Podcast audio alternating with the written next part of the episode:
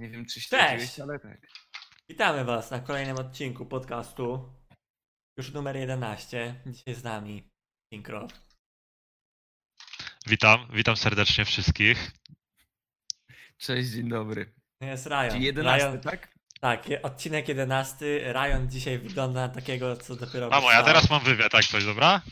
Ten, który mówiłem ci dzisiaj przez cały dzień. Wyjdziesz, mamo? Dzięki, dobra. Już tutaj Ej, gankuję ale was od czekaj. samego początku. Kocham to, kocham to, że mówię przez cały dzień o tym. Mamo, 20 mam wywiad, dwie godziny, proszę. I na samym początku. Ale jesteś, to jest trzeci odcinek yy, z rzędu, zaburzony, że tak powiem, przez osoby trzecie. No ostatnio dosyć dużo tej ganków. Pada. No wiadomo, jesteśmy, jesteśmy w takim wieku, gdzie jeszcze mieszkamy z, z rodzicami, więc no to jest niestety nieuniknione. No chyba, Ale to też ma jakiś swój, swój plus, tak? I, i urok. jestem Bo jeszcze chyba boomerem, także wiesz, już boomerem, także... ludzie chyba lubią, jak ktoś wchodzi do pokoju i są jakieś dymy, więc... No, Jakby ej, ktoś jeszcze wyszedł z tej szafy za mną, to w ogóle byłyby jaja. Ripi, awaria. Dobra, Kuba, zacznijmy szafie, od tego. Twój taki, czekaj, to Awahir zawsze mówi o tym, nihilistyczny post? Tak mi się nie chce grać w Ligę Legend. O co chodzi? Ostatnio, czy tak powiem. Mm, No powiem tak, ostatnio wydaje mi się, że to nie jest tylko moje zdanie. Liga Legend jest troszkę unplayable pod tym względem, że jak nie problem z serwerami, a to jakiś ping przez klasze po jakieś dziwne różne sytuacje od Riotu, no i to jednak troszkę tak wpływa na, na motywację, tak? Tym bardziej, że ja teraz mam off-sezon, więc ja też źle do tego a, no, z złym mindsetem do tego podeszłem, bo cały czas grałem solo queue, no i wiadomo też przez tą sytuację, która jest teraz na świecie, no nie pozwala ona na przykład wyjechać na jakieś wakacje, czy gdzieś e, wyjść e, z, tego, z tego domu. No, Depresyjnie trochę. i to jest takie smutne, nie? że jednak człowiek chce sobie zrobić tą przerwę od solo queue, no ale jak siedzi w domu, no to co ma robić, jak nie grać solo queue, tak? No to jest takie no kółko, że tak powiem. Czyli jak uważasz ogólnie, jeżeli chodzi o tak jakby cykl w roku gracza? Potrzebne są te przerwy? Bo wiesz, bo niektórzy to najchętniej nie odchodziliby od kompa i tylko spamwali solo queue. Ale to też na przykład G2 mówi o tym, że pod koniec już na Worldsach byli tak wypaleni, że masakra. Jak ty tu uważasz? No, to zależy. Generalnie ludzie o tym nie mówią, ale w nationalach e, gracze mają o wiele mniej czasu, według mnie, niż, e, niż w Lecu. Przynajmniej tak było jeszcze rok temu. A, no bo poza tym turniejem głównym były jeszcze różne turnieje wokół tego, wiadomo, jakiś ESL w Polsce, a PLE, nie wiem co tam jeszcze było, jakieś takie, nie wiem, jeszcze jakiś jeden turniej był.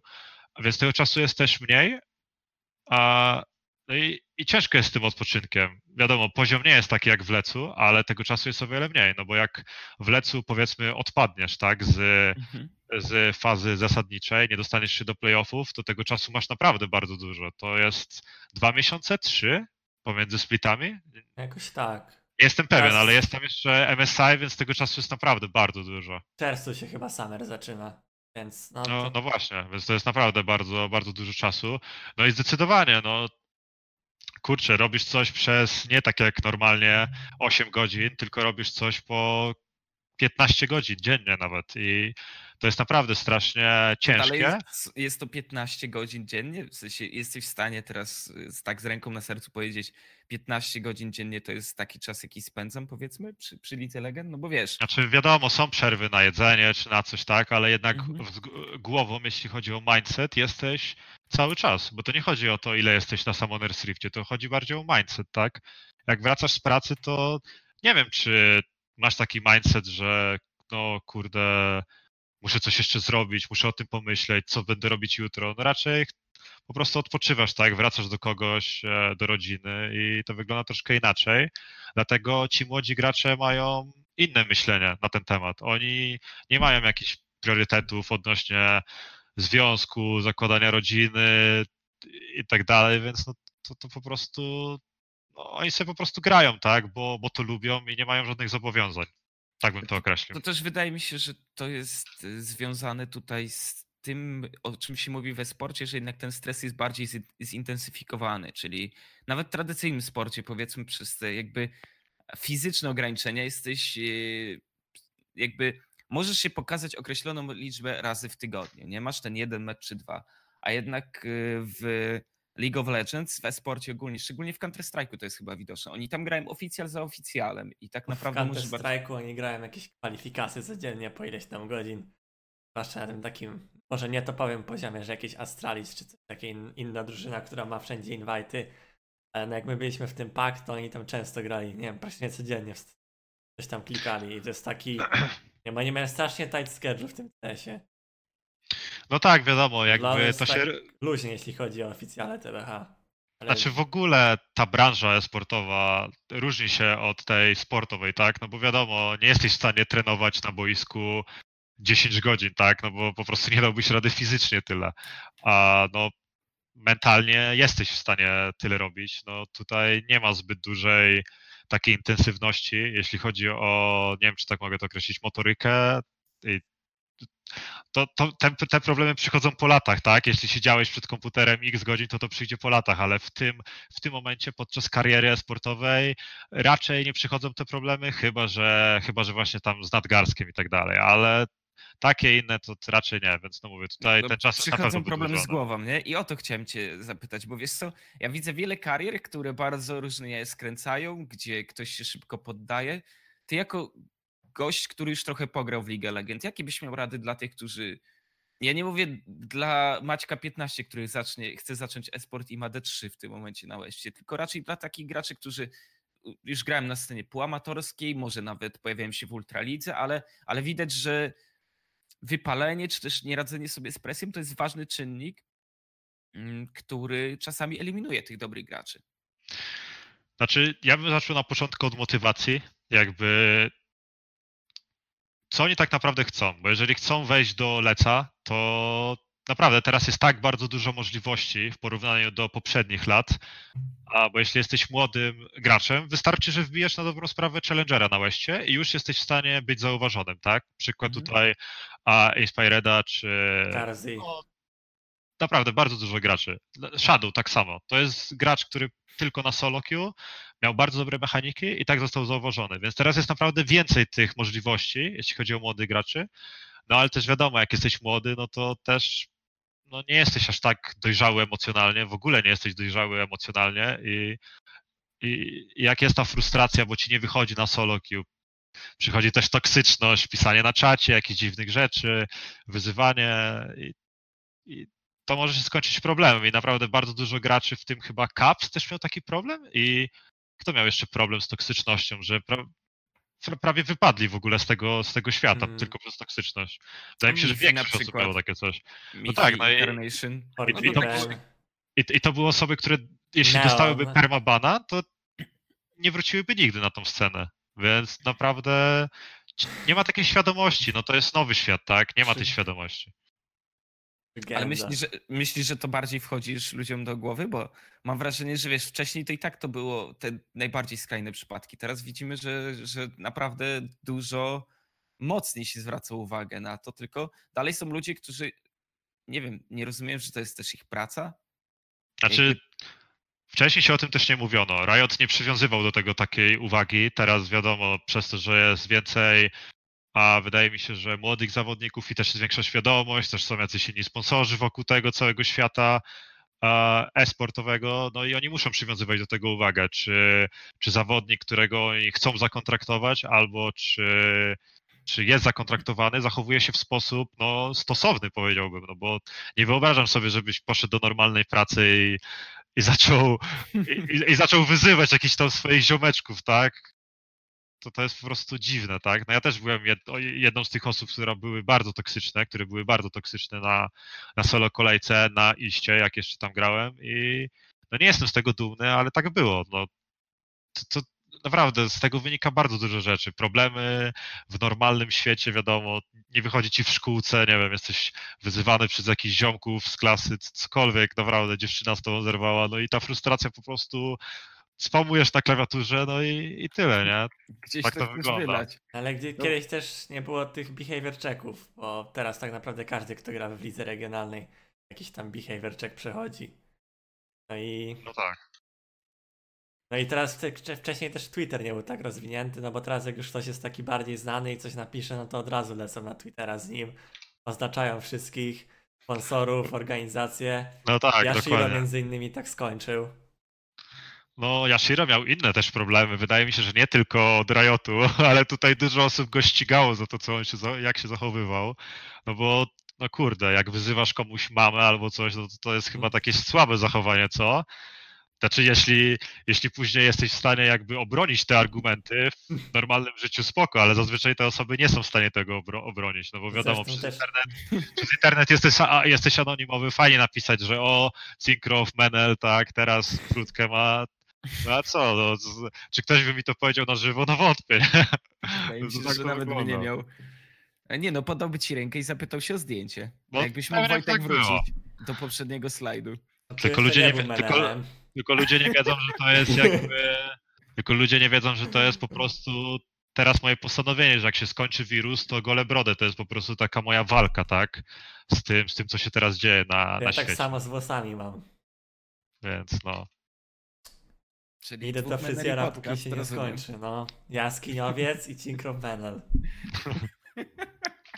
Aż sobie pozwoliłem spojrzeć na tą, na tą fotkę. Miałem fajnego koguta na tym, na, na włosach. Ile wy wtedy mieliście lat?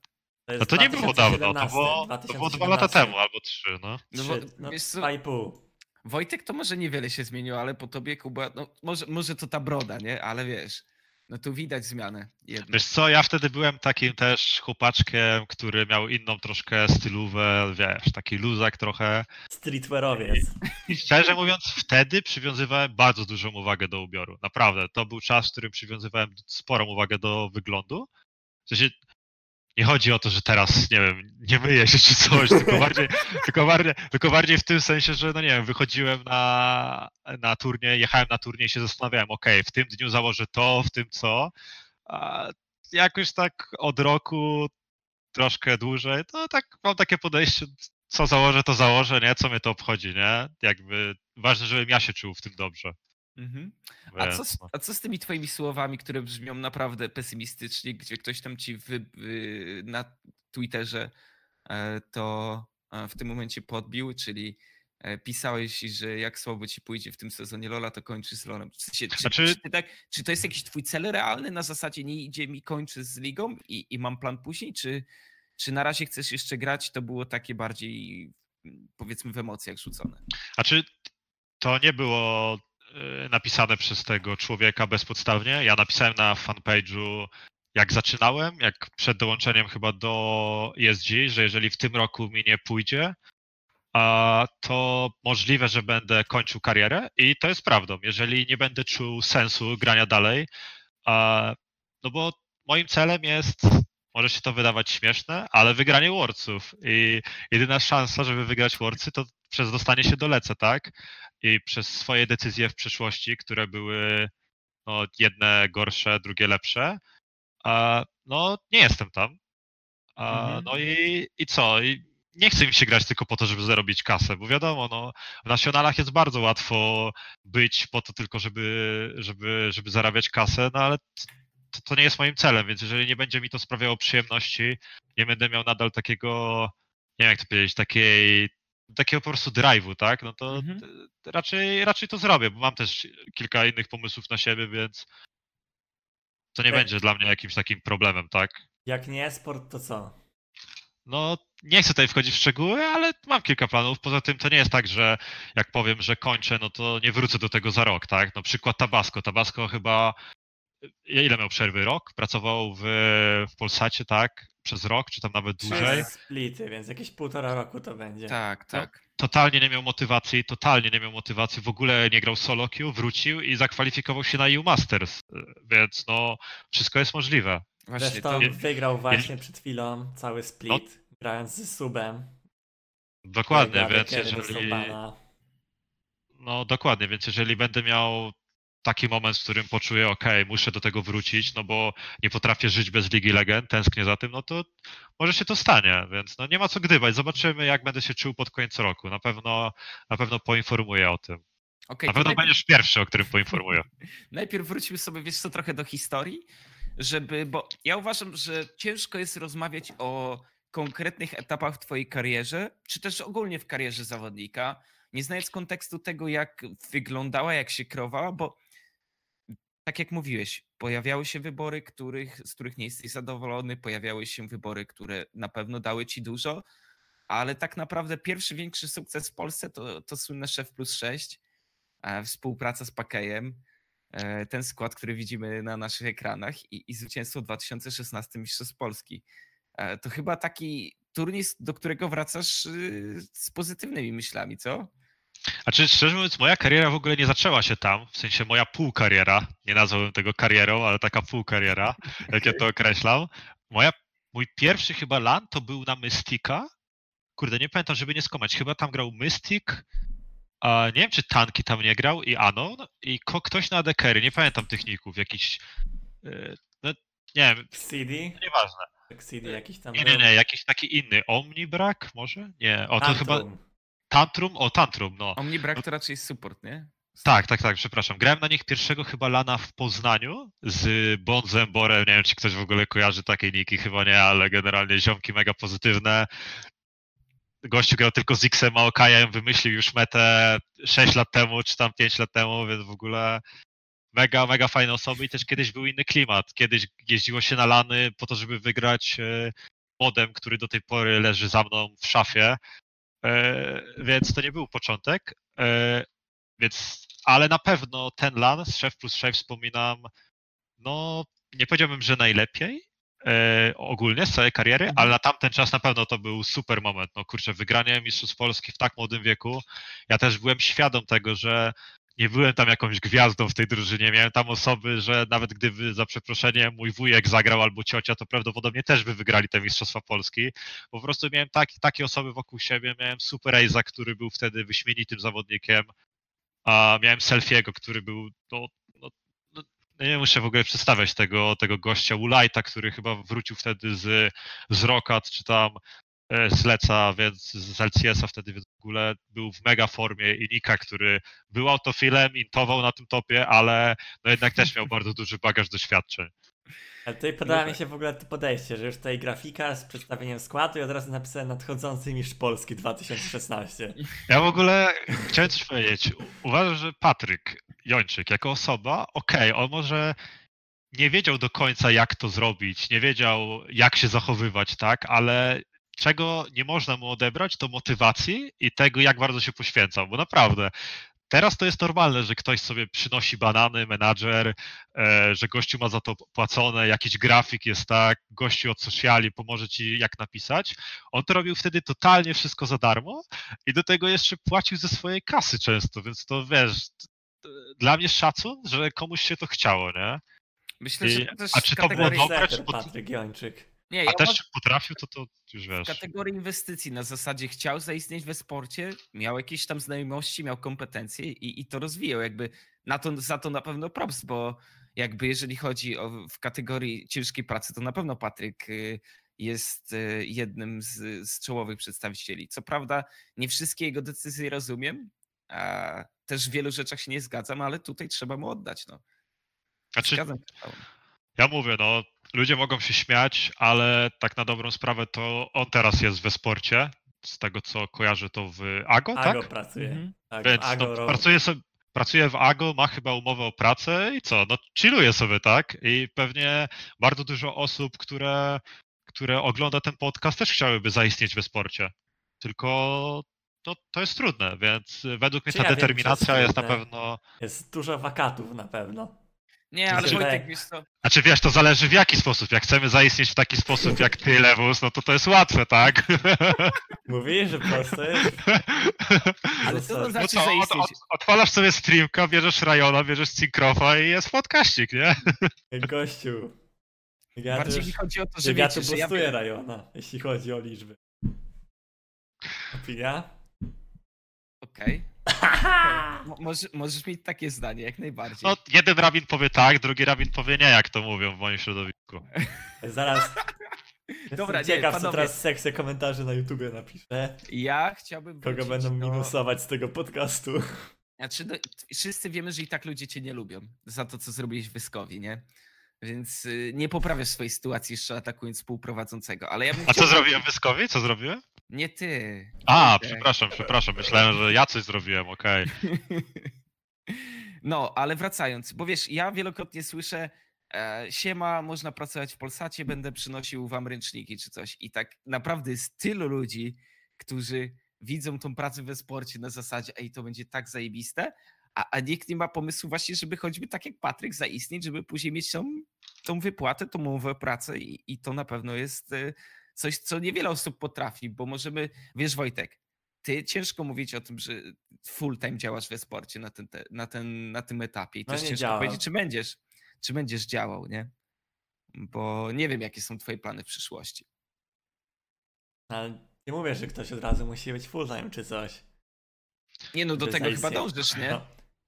Generalnie nie wiem, czy wszyscy są we sporcie full time. Tak jak myślisz, to oprócz takich, takich jeszcze zwłaszcza w tych mniejszych organizacjach, nie licząc tam tych top 3, to większość raczej nie jest full time, tak jak mi się wydaje. Nie, no na pewno, na pewno to nie są jeszcze, wiesz, e, możliwości, w których możemy być full time, ale z drugiej strony nawiążę do tego, a że większość zawodników teraz może sobie pozwolić na to, żeby nie pracować, żeby nawet nie, nie mieć szkoły i grać w ultralidze, nie? Gdzie a wcześniej to było nie do pomyślenia, panowie, i w większości wypadków po Ale prostu. czy chcesz grać w Ultralidze bez szkoły? No nie wiem, jeżeli masz jakiś wyższy cel, na przykład, nie wiem, dostać się do leca, to możesz chyba poświęcić się. Kasztelan uważam, że miał, miał zdrowe podejście do tego. Czyli daje sobie rok. E, Ale tam jednak gdzieś- miał szkołę.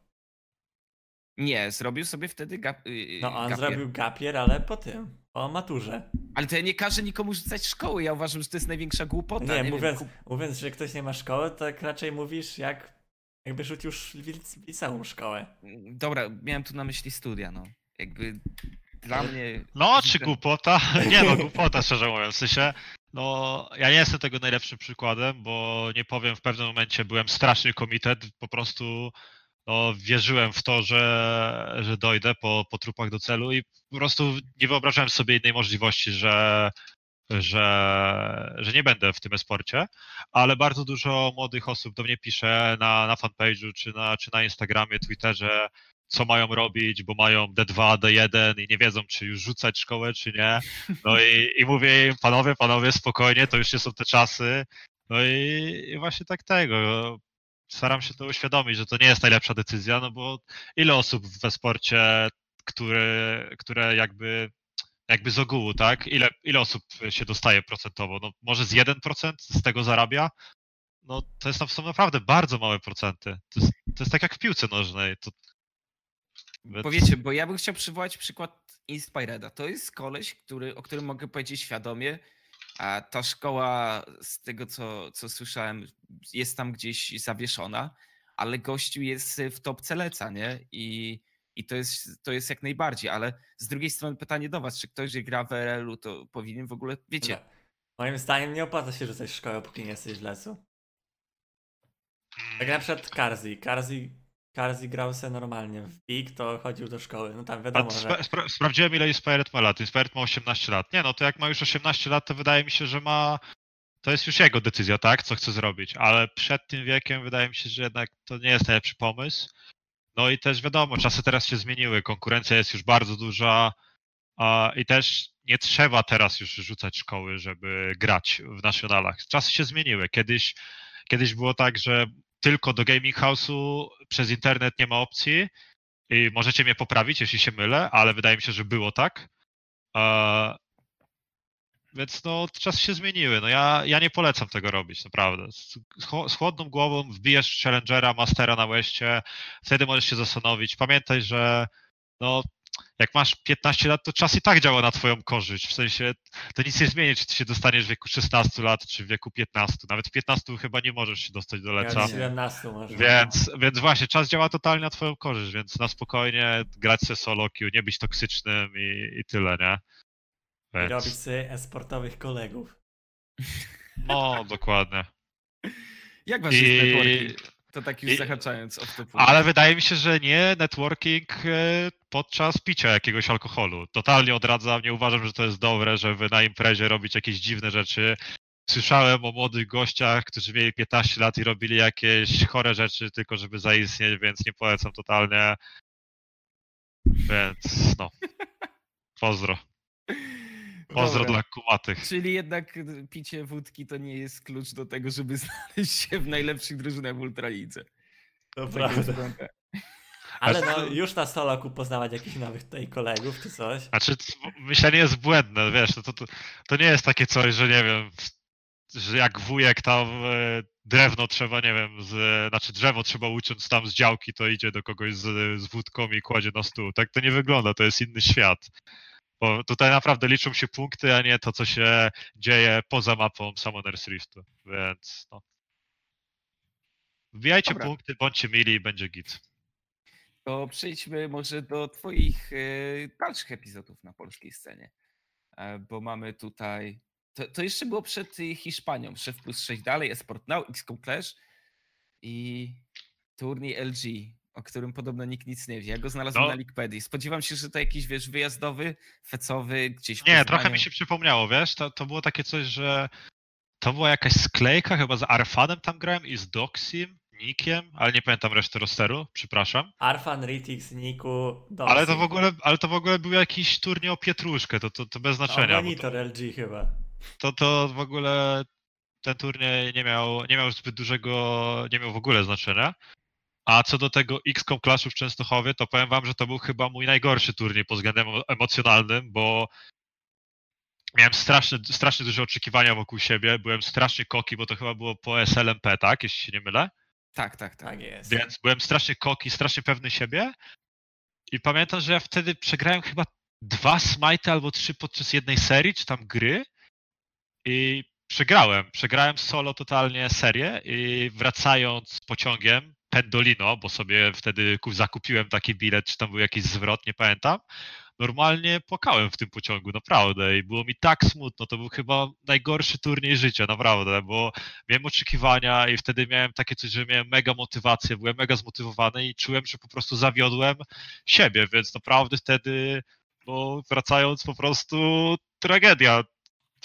Jak teraz w tym myślę, to aż chce mi się śmiać, że że to nie wiem, to, to było strasznie depresyjne, naprawdę, straszny Ja dołek. pamiętam, że wy wtedy przegraliście na Illuminar. to, Na Illuminar Gaming 2-1. Kiedy- Wte- Te, które wtedy się żegnało i to na No pewno, tak. to na pewno To było bolesne, bo wiem, To że było chłopaki- Verpo, czy nie?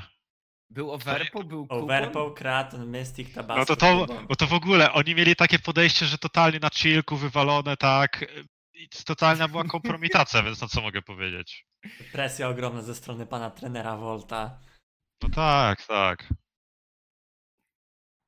No dobra, a, ale no nie wiem, chcecie coś jeszcze do tego dodać, bo to jest tak naprawdę ten y, twój koniec póki co e, przygody z y, polską sceną.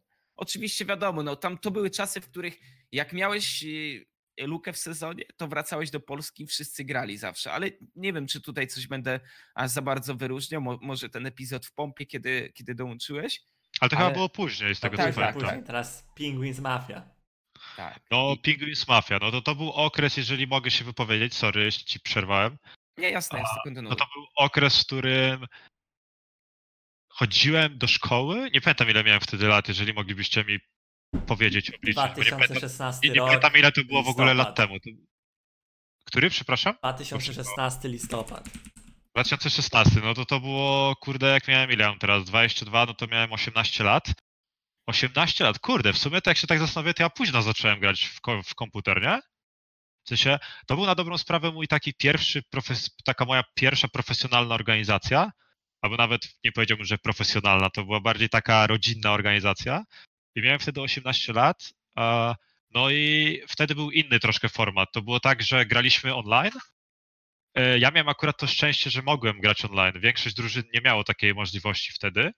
I przyjechałem tylko na półfinały, na finały albo na jakieś sesje zdjęciowe, więc w ogóle wyobraźcie to sobie. Dla chłopaka, który ma 17-18 lat, nigdy nie był za granicą, pierwszy raz wyjeżdża z domu, leci samolotem, to w ogóle jest jakaś mega zajawka, nie? Mhm. Pamiętam pierwszy raz w Bucu wsiedliśmy na pokład, po doleceniu bucu zaczyna klaskać. Ja nie wiem w ogóle o co chodzi, za głowę się łapie.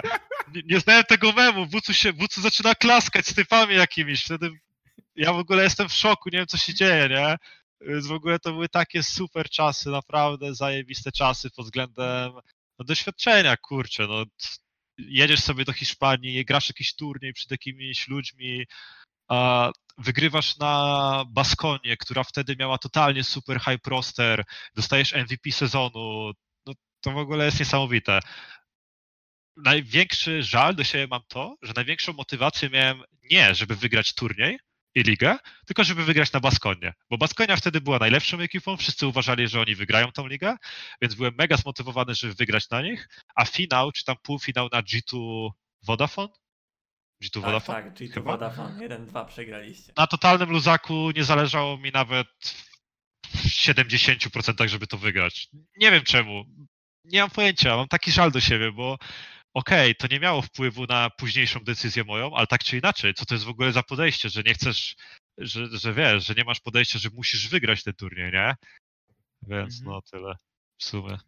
No ale to też byłeś jednym z pierwszych zawodników w zasadzie właśnie z, z Bucu, który do Hiszpanii wtedy e, trafił. To był ten moment, co Ulajt tam był przez chwilę, chyba w Baskonii.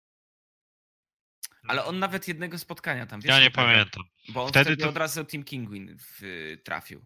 W ogóle Baskonia tak, tak. to była wtedy organizacja, która miała ogromne pieniądze i to, co płacili, to było niesamowite. W sensie przed moim przyjściem do Baskonii, tak? To mhm. ile kasy oni chyba sprowadzali tam Holy Phoenixa, nie Holy Phoenixa, nie wiem kto tam jeszcze był. Holy e, Phoenix, e... Kitty, Pinoy, Jesus Gas, na, na, naprawdę te, pieniądze, te pieniądze, które oni mieli z, e, z, tego, z tego klubu, nie wiem jak to się nazywa, Alaves chyba, to było, generalnie ten klub należał do Alaves, tak, w Baskonii. Mhm. No i oni tam mieli chyba Deportivo Alaves też w piłce nożnej, a w tej głównej lidze, więc to w ogóle... Nazywa, to tak, więc to w ogóle, no mówię, mega mieli budżet. No i, i ta Baskonia to, Baskonia to był twój kolejny przystanek de facto, żeby to sobie wszystko poukładać na... O, nie, no czekaj. Origin było. Dobra. Nie, nie, nie, nie, nie. to było Penguins Mafia, Baskonia. Mhm, mhm, właśnie. E, I to był na pewno ten już... stronę wpisane. No, tak, z tego się, znaczy to mnie dziwiło, bo ja pamiętam, że Origin było takim twoim ostatnim przystankiem przed, yy, przed Turcją. Turcją. Znaczy, e, sorry, jeszcze raz jakbyś mógł powtórzyć, bo się wyłączyłem. Bo teraz gadamy o Baskonii, tak? Tak, tak. Mówię o tym, że okay. na Lickpedii było to zamienione. Aha, okej. Okay, tak. Pamiętam, że Origin to był twój ostatni przystanek przed... E, tak, tak, tak. To było tak, że dołączyłem zaraz krótko po skończeniu tego turnieju. Dostałem informację, że właśnie Baskonia jest mną zainteresowana. No i stwierdziłem, że okej, okay, dołączę do Baskonii. Przeprowadziłem się wtedy do Vitorii chyba, na północy, na północy Hiszpanii. I warunki, które tam miałem, były naprawdę niesamowite. Codziennie chodziliśmy do restauracji, nawet nie chcę powiedzieć, że pi- pięciogwiazdkowej, to była chyba, nie, nie wiem, sześciogwiazdkowa, bo tam się stołowali, jedli tam zawodnicy z głównego klubu właśnie, Deportivo, Alaves mm-hmm. i ci z koszykówki, więc w ogóle, no naprawdę, to jedzenie, które tam jedliśmy, to było niesamowite, więc mega, mega wspominam ten czas. No i właśnie w połowie splitu była, e, była ta decyzja o dołączeniu do Origin, tak? Mhm, mhm. No właśnie, bo to jest ta decyzja de facto. O, dobra, może nie będę używał tego słowa. Bo mnie znowu będą wyzywać komentarze. Która, która przekreśla moją karierę? E... Odważna decyzja. No, no dobra, dobra, to ja już nic nie będę mówił, skoro tak mocno. Znaczy, nie, no uważam, że tak. E, dużo było problemów w Baskonii było bardzo dużo problemów, w sensie nie pod względem organizacyjnym, e, no bo mówię, jedzenie, warunki były super, ale w drużynie było dużo problemów, nie ukrywam. Nie będę mówił o jakich, bo nie wypada o tym wspominać, ale było dużo problemów, no i powiem wam, że byłem strasznie wtedy tak psychicznie wykończony i myślałem, że dołączenie nawet do tej drużyny a, uda się utrzymać w tym lecu, bo naprawdę w to wierzyłem i też uważam, że mecze, w które grałem tam, prezentowałem naprawdę dobry poziom.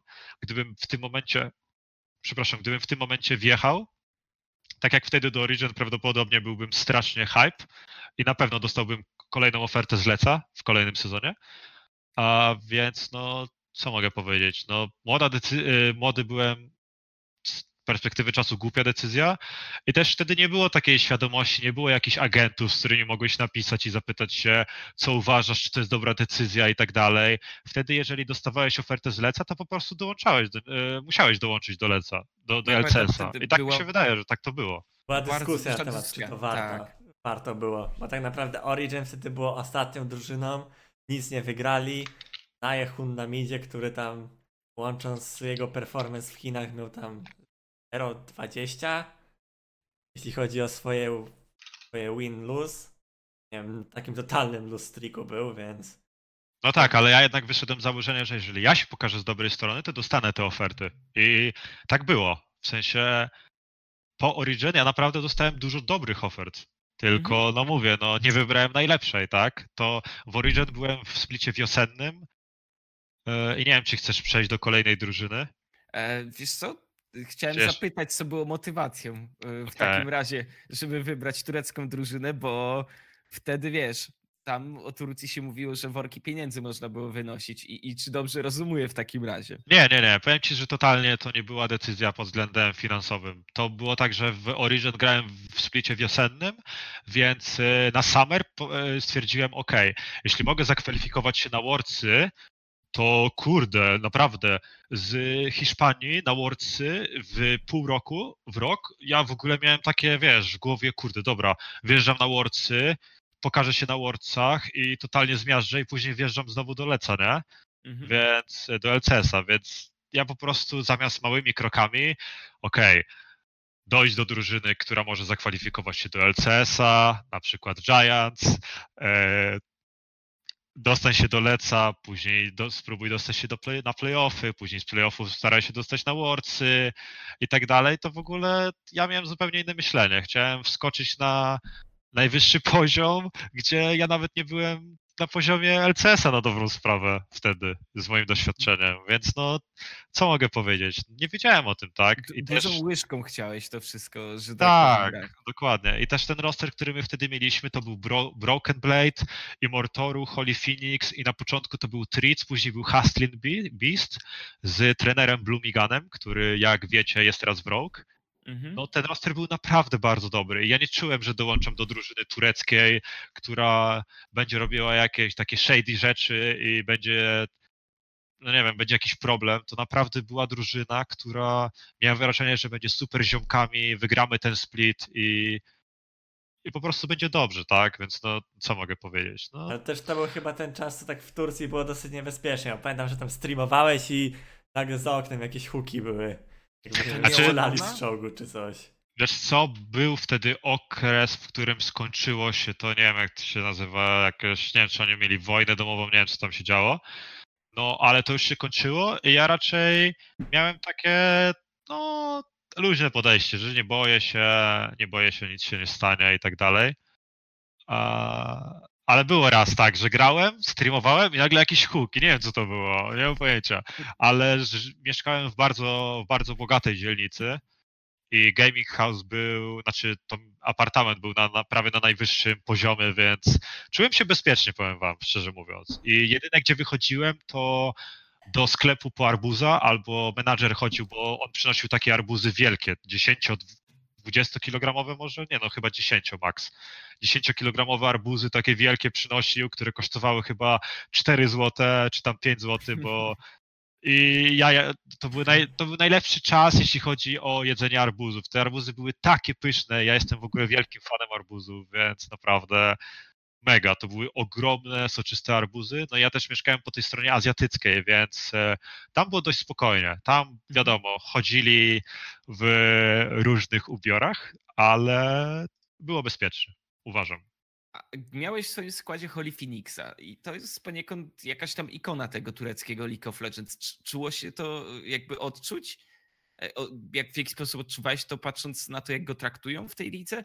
Bo chciałbym się odnieść do tego, jak wyglądają właśnie takie symbole poszczególnych lig i jak... No. e, Mhm. Sorry, że ci, no mów, mów. E, Jak tak naprawdę, bo wiesz, e, ja trochę odnoszę się do BRTT, czyli tego brazylijskiego gościa superstara. I ja chciałbym zapytać, czy, czy w Turcji coś podobnego dało się odczuć? Znaczy, na pewno nie na taką skalę, ale z pewnością był to taki rekles, powiedzmy, tureckiej sceny. No ale wiadomo, no, ja byłem wtedy takim chłopaczkiem, który miał totalnie luźne podejście, nie wiedziałem e, czegoś takiego, znaczy nie znałem takiego, czegoś takiego jak e, poprawna wypowiedź, w tym sensie, żeby kogoś nie obrazić, czy nie powiedzieć czegoś głupiego. Po prostu sobie gadałem z nim jak z ziomkiem, takie relacje sobie e, ustaliliśmy i strasznie, strasznie takie mieliśmy fajne podejście, takie co tam, co tam i tak dalej, ale fakt, że był czas, w którym on grał w swoim pokoju na przykład, że był okres, w którym nie przychodził na screamy jakby do tego głównego poziomu, tylko grał w swoim pokoju jak Rekles, tak No słyszałem. powiedzieć. I, I no, było czuć, że jest kimś tam, ale nie wiem, czy na taką skalę jak BRTT, nie? Nie mam pojęcia. Mhm, mhm. I tu tak naprawdę mamy twój chyba naj, twoje największe załamanie, jeżeli chodzi o karierę po, po Turcji, bo ty, te wyniki nie były zadowalające, tam poszło naprawdę słabo. E, gdzieś tam ludzie się zaczęli odnosić do tego, że Origin może nie było dobrą decyzją. Czujesz, że to jest jakiś taki ro, rozstaj tych dróg na zasadzie, kurczę, no nie poprowadziłem swojej kariery w dobrym kierunku? Mm, no kurczę, z pewnością. W sensie, jak widzisz ten roster teraz, no kurde, masz Broken Blade'a, który jest w NA i totalnie smurfuje, masz Hustling Beasta, który jest bardzo dobry, Holy Phoenix bardzo dobry, trener bardzo dobry i Mortoru, no nie do końca, ale reszta naprawdę to byli świetni zawodnicy i zgadzam się z tym. No, była wtedy załamka i to mega, bo wiedziałem, że przekreśliłem swoją karierę prawdopodobnie. A, no i, no i co mogę powiedzieć? No rezultaty na screamach były bardzo dobre, przychodził oficjal i był czołg. I, I też wiadomo, presja w Turcji jest bardzo duża. Jeżeli przegrywasz, to owner czy menadżer nie jest zadowolony i no tam wiadomo, coś przyjdzie, coś ci powie i tak dalej. A ty jesteś młody i co, no ciężko się z tym, kurde, tak wiesz, mhm. ciężko z tym żyć, nie? Ciężko żyć, jak ktoś nakłada na ciebie presję taką dużą, a ty na dobrą sprawę jesteś chłopaczkiem, który chce grać for fun, nie? No, I, I, nie ma takiej świadomości, tak jak teraz, żeby pomóc pod względem psychologa, żeby wspierać, tylko masz mieć wyniki i koniec. Nie masz wyników, to za przeproszeniem wypierdalasz, nie? I, i tak było. I... No Dark Pass kiedy... też takie, taka legenda, jeśli chodzi o turecki esport z tych drużyn jeden z tych większych, takie nie wiem, TSM, które no zawsze musi mieć te wyniki, bo są fani, którzy chcą, chcą żeby ich drużyna wygrywała i presja jest ogromna na Dark Passage tak naprawdę. Nie wiem, takie no jest tak. moje wrażenie, jeśli chodzi o takiego no nie oglądam jakoś Turcji dużo, no ale tak jak to się przewija przez te lata, to tak to wygląda. No wiesz, oni też mieli chyba Kapsa split temu, czy tam Kapsa i Zerkse, tak? Razem, jeśli mhm. się nie mylę. I oni wygra, wygrali ten e, turniej, znaczy wygrali tę ligę i totalnie zesmurfowali. Wiadomo, gdzie później Zerkse skończył z Kapsem. Więc no kurde, no presja jest ogromna. Dołączyłem do powiedzmy takiego TSM tureckiej ligi, tak? Czy tam Cloud9, więc no była, no zawsze była walka Supermassive kontra Dark, Dark Passage, tak? Z tego co pamiętam, więc no... Bezistikas chyba jeszcze tam była, bo tak naprawdę Dark Passage... Nie, nie, nie, patrzy... Beziktas? Aha, okej, okay. może? Ale ich, ich nie było wtedy w lidze, z tego co pamiętam. Wcześniej, wcześniej byli, no ale to jak tak patrzę, to Dark Passage właśnie zawsze było jakiś top 1 albo top 2. I potem od tego momentu akurat jak ty szedłeś... Nie, nie, jeszcze jeden split wcześniej zaczęły te problemy, że już byli, teraz są tak naprawdę top 6-5 cały czas. No tak, ale oni zawsze mieli tak, że na ten Spring Split, z tego co pamiętam, słabo im szło, ale zawsze Summer Split, czyli moment, w którym mogłeś się dostać na Worldsy, był ich. Oni chyba wygrali każdy split z, z przeciągu ostatnich czterech lat, albo trzech, jeśli chodzi o Summer Split, więc to też było taką moją decyzją, że okej, okay, skoro zawsze wygrywali ten Summer Split, wiedzą co robić jako organizacja, mają, mamy bardzo dobry roster, fajnego trenera, to to się musi udać, nie? Mhm. I no, no, co mogę powiedzieć? No nie wyszło, nie? nie wyszło, nie wyszło, ale wiesz co? I coś, co najbardziej tutaj jakby chciałem zahaczyć, to kiedy tak naprawdę zrozumiałeś, że to już jest nie zabawa, a tak naprawdę prowadzenie kariery swojej esportowej, bo mam wrażenie, że cały czas mówimy o takim, wiesz, nawet nie chciałbym powiedzieć luźnym e, podejściu, ale takim, którym nie do końca jest czas na chłodne kalkulacje, a raczej na to, żeby bawić się League of Legends, wygrywać, e, trochę pozwiedzać, zjeść arbuzy i tak dalej. Znaczy, powiem ci, że w Dark Passage jeszcze nie miałem tej świadomości i wydaje mi się, że to jest właśnie najlepszy czas dla gracza pod względem gry, w sensie rozwoju, no bo Mhm. On gra for fun, jego nie obchodzi, co robi ktoś. e, Po prostu sobie gra. Po prostu sobie gra w komputer, gra cały czas. Ja mówię w komputer, takim potocznym słowem teamspeakowym, w sensie sle, e, językiem teamspeakowym. My tutaj sami E, jakby ktoś mnie tutaj, jak- jakby to ktoś mnie chciał tutaj złapać za, za słówka, więc to mówię, miałem takie luźne podejście i wydaje mi się, że postrzegałem to jako pracę w Movistar. Wydaje mi Okej. się, że to się zaczęło. Chwila, ja po Dark Passage dołączyłem do pompy, czy Tak, się tak, mylę? tak, pompy na Okej, okej, okej, to, to było tak, że w pompie miałem mega dużą motywację, żeby wrócić na polską scenę, no bo na dobrą sprawę, gdybym ja przyszedł na polską scenę i przegrałbym każdy turniej, albo zaprezentowałbym się ze słabej strony, to ja nie mam czego szukać. Ja mogę spakować sobie walizki i po dwóch latach czy tam roku gry profesjonalnej mogę sobie po prostu iść, nie? I wrócić Mhm. na, do szkoły.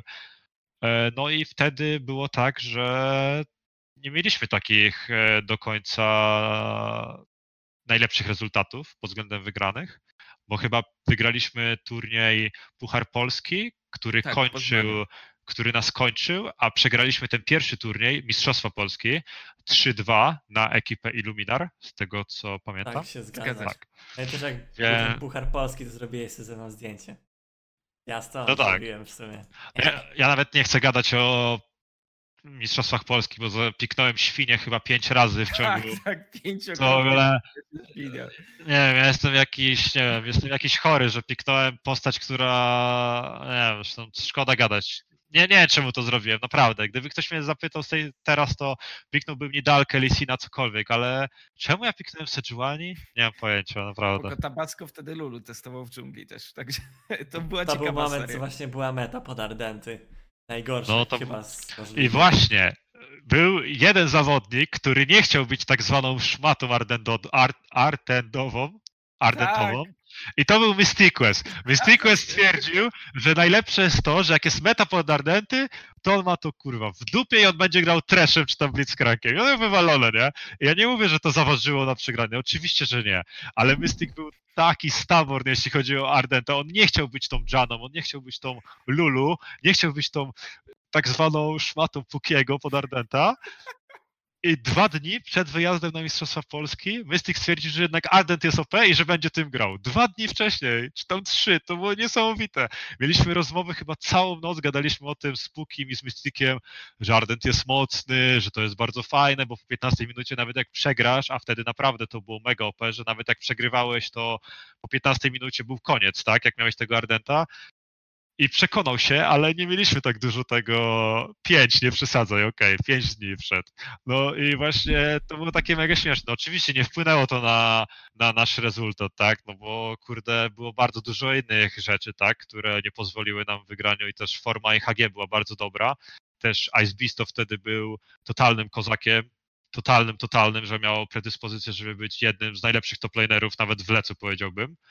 I mówię to z pełną e, świadomością i z pełnym przekonaniem. No i, i co? To, to był śmieszny okres, bo byliśmy takimi ziomkami w piątkę, którzy sobie żyli w GH Pompy chyba w Gorzowie Wielkopolskim? Czy W Środzie? Wielkopolskiej chyba. Śro... Przepraszam, w Środzie Wielkopolskiej, tak. E, W Środzie Wielkopolskiej, no i było mega śmieszne. Atmosfera była luźna, było. To był naprawdę mega fajny czas, jeśli chodzi o takie relacje, relacje w drużynie, nie? No, ale czekajcie, bo do czego chciałem nawiązać jeszcze? I sorry, że ci przerwę, jeszcze jedno. No, W Środzie Wielkopolskiej kebab z jednej restauracji. Zamawialiśmy codziennie albo kebaba, albo pizzę, albo kurczaka. I to była taka. To była najlepsza restauracja, naprawdę, jeśli chodzi o zamawianie jedzenia w Polsce. Ja nie a, wiem. Ale, ale co Te ty typy gadasz tak w ogóle? smurfowały, te typy tak smurfowały, naprawdę. I, I pewnie o 14 go wcinaliście godziny po przebudzeniu przed Przed screamami. screamkami. Ale to. A jakbyś zobaczył, jak wtedy wszyscy wyglądali, w sensie Marcin, Mati, oni teraz się mega zmienili, jeśli chodzi o no wygląd. tak, nie? tak. Oni naprawdę, no to było tak, na śniadanko, no co, no jakieś tam naleśniczki, na obiad, co, no kebabik, nie, a na kolację, no tutaj pizzę można zamówić, co tam, raz można, nie? I tak było dzień w dzień, po prostu to samo było, nie? Ale ty jesteś Więc takim widzę no. koneserem, jeżeli chodzi o te y, dania, ogólnie kulinaria. Tak wspominasz to oprócz kariery sportowej najczęściej, kiedy tutaj rozmawiamy, przewija się to. Bo o, o tym się nie mówi, ale kariera e-sportowa, kariera e-sportowa naprawdę ma no za darmo jesz jedzenie, naprawdę. Nie musisz. To jest najlepszy okres w życiu człowieka. Jeżeli ktoś będzie e-sportowcem kiedyś, to wspomnijcie moje słowa. Gracie sobie w komputer i ktoś jeszcze ci za to płaci, dostajesz darmowe jedzenie i nie płacisz za mieszkanie. To jest w ogóle jakiś pokczep totalny. Dostajesz darmowe jedzenie. To jest niesamowite, więc naprawdę, no jedźcie cokolwiek możecie. Ja nie jestem tego, nie byłem najlepszym przykładem może, ale naprawdę próbujcie różnych rzeczy, bo ja przez ostatnie 4-5 lat jadłem tylko sercznika pieczarki, gdziekolwiek e, poszedłem do restauracji. Sercznika pieczarki nie spróbowałem. Naprawdę jesteś takim rzeczy? człowiekiem? Tak. Tragedia, tragedia. Jestem, jestem, jestem wiesz. człowiekiem takim, jestem z tego, no znaczy nie jestem z tego dumny, ale no taki jestem. Tylko sercznika pieczarki i tyle. Jestem, no jestem masochistą. Pizza pizzy nierówna. No. Wiesz, różne są pizze, neapolitańska, więc tam... No ale to nie jest serszynka pieczarki. Nie mam pojęcia. Dla mnie jest tylko sercznika pieczarki, naprawdę. Ale wiesz co, tak z tego co opowiadasz, czuję, że to też dla twojej głowy dobrze zrobiła ta pompa. W sensie, oprócz tego, że chciałeś się odbudować w Polsce, to z tego co mówisz przy takiej luźniejszej atmosferze, a, trochę inaczej e, to wyglądało, jeżeli chodzi Znaczy- o ten krok w karierze. Znaczy wiesz, ja też nie miałem wtedy zbyt dużej możliwości, bo ja wtedy rozmawiając z Sergiuszem powiedziałem, że no, to był taki okres, w którym, tak jak mówiłeś, wcześniej było tak, że grałeś ten główny turniej, tak, były nacjonale i był, był lec i jakby e, po lecu miałeś ten okres, w którym mogłeś sobie zagrać polskie turnieje i prawo ci wtedy na to pozwalało, tak? I to był taki okres, w którym tak bardziej na luzie, też żeby coś udowodnić sobie i ludziom w Polsce, bo pamiętam, że wtedy miałem bardzo duży hejt naprawdę na, na swoją osobę. No miałem, miałem wtedy wiadomości na fanpage'u, żebym się zabił i tak dalej. I w Wszystko ogóle... przez Kubona, nie? Nie no, Kuban to już chyba dwa lata wcześniej był z tym mikrofonem. Nie, no żartuję, ale tak. Więc, więc Ale to naprawdę, jest to był. I to jest, i to jest kojarzą. Naprawdę. I ludzie. ale widać postęp, bo na przykład kamerka u Cinkrofa już Ale elegancko chyba już nie mam takiego złego mikrofonu. Nie. Ale w porównaniu na przykład Ryan do ciebie, to kamerka elegancko śmiga Cinkrofowi. Bo ty to co chwilę tutaj się pojawiasz i znikasz. To się zgadza, no nie mam tutaj No więc, więc, więc to mówię, no kurczę, jak macie 17 lat, no to, przepraszam, 19 lat, czy tam 18, to nikt w szkole nie podchodzi do ciebie i mówi ci, żebyś się zabił, tak? I mówi ci to tak naprawdę, że pisze do ciebie wiadomości i to nie jedna osoba, pisze ci to 30 osób, żebyś skończył, a, że czemu cię mama urodziła i w ogóle takie, wiesz, takie rzeczy, które są w ogóle, o których się nie mówi, ale naprawdę to są takie smutne rzeczy. W sensie, wiesz, no ja wtedy byłem już odporny psychicznie na to, ale gdybym nie był, to nie ukrywam, że byłby spory problem pod względem mentalnym, tak? Mógłbym na przykład, nie wiem, zrobić coś głupiego, nie? No, no, to jest coś, to jest ta ciemna strona, o której się wiele nie mówi, bo nie wiem, czy to się teraz zmieniło. Mm, Troszkę ludzie właśnie- przestali być mniej anonimowi, uważam, w internecie. Wydaje, Uważam, wydaje mi się, że że... też, Już Ale- tak trochę mniej jest chyba takich fanów, co tak wiesz, piszą takie strasznie niemiłe rzeczy. No tam wiadomo, że coś tam, takie, że W można ogóle się przy, uśmiechnąć. przerywa mi ciebie, sorry. Ty te, te, też to mnie, słyszysz? mnie też co? przerywało, no. Bo, Nie przerywa? Sorry, jak, jakbyś mógł powtórzyć, bo totalnie cię przerwało, nie Teraz wiem o jest co chodzi. git, No, to No lepiej. Ale wydaje mi się, że teraz już jest mniej takich osób, które tak piszą tak serio, tak serio, serio, że tak strasznie, że nie wiem, zabij się i tak dalej. Że raczej to są takie... Nie mam pojęcia, nie mam pojęcia. Mi się wydaje, że to się nigdy nie, nie, jakby to nigdy nie ucieknie, bo ja najwięcej takich gruźb miałem w Turcji po przegranym splicie. Bo wiadomo, tureccy fani Wiadomo. są naprawdę, no graliśmy turniej, przepraszam, nacisnąłem coś, nie wiem, czy było słychać w mikrofonie. Turcja i Francja, najgorsze. Gra, graliśmy jakiś tam turniej w Media Markt czy coś takiego, jakiś taki losowy i normalnie przyjechało 30 kibiców Dark Passage w jakichś, nie wiem, banerach z szalikami i tak dalej i śpiewali Dark Passage i tak dalej po, po grup i w ogóle, wiesz, takie totalnie chore rzeczy, to takiego czegoś nie ma. Była normalnie bojówka i HG w Dark Passage, nie? I jak odjeżdżaliśmy z tego turnieju, to typy normalnie goniły za samochodem, skakały nawet na samochód, znaczy próbowały wskoczyć na samochód, więc w ogóle takie totalnie pojebane rzeczy, które wiesz, dla mnie to wtedy było zajebiście, mamy fanów, nie? Super, tylko po przegranym, po przegranym e, splicie oni nie piszą do ciebie tylko wiadomości prywatnej, tylko dodają twoich rodziców na Facebooku, dodają cię do znajomych, komentują Serio? ci, komentują ci zdjęcia i w ogóle, wiesz, e, no takie totalnie chore rzeczy, nie? No bo wiesz, z- i to wiesz, w takich szczegółach, nie? Mówią, co by z tobą zrobili, nie? Więc to w ogóle mega chore rzeczy, nie chcę już o tym w ogóle mówić, ale naprawdę, jeżeli ktoś miałby taką sytuację, to polecam porozmawiać z kimś o, o kimś, no bo jeżeli nie jesteś odporny psychicznie na to, to może coś się stać, nie? Znaczy ja, wiesz co, jakby słyszało Znaczy, wiele o tym hejcie, względem- no. Ale to co mówisz to jest już naprawdę, naprawdę taki y, większy hardcore, nie? Z tego co opowiadasz. I... Nie, no poważnie, to jest gorsze niż w korpo. To jest naprawdę, to jest to 100 razy gorsze niż praca w korpo, jeżeli przegrywasz w takim regionie. Bo, no mówię, to, to jest nienormalne, żeby takie coś ludzie pisali do młodego człowieka. Więc no, mówię, jeżeli jesteś młodym człowiekiem, który jest we sporcie i takie coś się zdarza, to nie wiem, po, po, pogadaj z kimś o tym, pogadaj z kimś dorosłym, bo możesz sobie po prostu zrobić krzywdę, tak? Albo chociażby o tym pomyśleć, co nie powinno się stać, więc no. To jest przykry temat. No, ale dobra. E, Temat na pewno przykry, temat też bolesny, ale nie wracajmy już do tego. Miejmy nadzieję, że nie będziesz już miał e, okazji występować w takiej drużynie, gdzie są tak naprawdę ostrzy fani. I wróćmy do e, Pompę chyba będziemy kończyć tak naprawdę, bo e, też dużo o tym z Patrykiem rozmawialiśmy. Tutaj też chciałem nawiązać, że on jakby z perspektywy czasu w ostatnim podcaście powiedział, że on czuł, że trochę sam przez tą swoją wkrętę e, przegrał wam TSL Mistrzostwa Polski, bo, bo miał to, ja pamiętam, ta, ta szmata Artentowa to się powtarzało jako stwierdzenie wielokrotnie. No, znaczy wiesz, każdy może myśleć, że coś zrobił źle. No jasne, Patryk nie, nie chciał być wcześniej tą osobą, ale też było dużo rzeczy. No ja się mogłem przykładać bardziej do treningów, Marcin mógł się bardziej przykładać, Łukasz mógł się bardziej przykładać, nie wiem, Menki mógł być lepszy, lepszym coachem. Zawsze można mówić, że ktoś mógł zrobić lepiej, bo zawsze jesteś w stanie zrobić coś lepiej, tak? Więc no nie, no to, to nie była jego wina, wiesz, to, to jest odpowiedzialność drużynowa, tak, jeżeli on miał gorszy okres, to każdy mógł zrobić tak zwany step up i pomóc, tak, tej osobie. No i tyle, nie stało się to, więc no co, co mogę powiedzieć, to zdecydowanie nie była jego wina. Mhm. I po tym stwierdziłeś, że jednak znowu chciałbyś spróbować gdzieś za granicą. Mam wrażenie, że ta zagranica to dość mocno definiuje tą twoją karierę.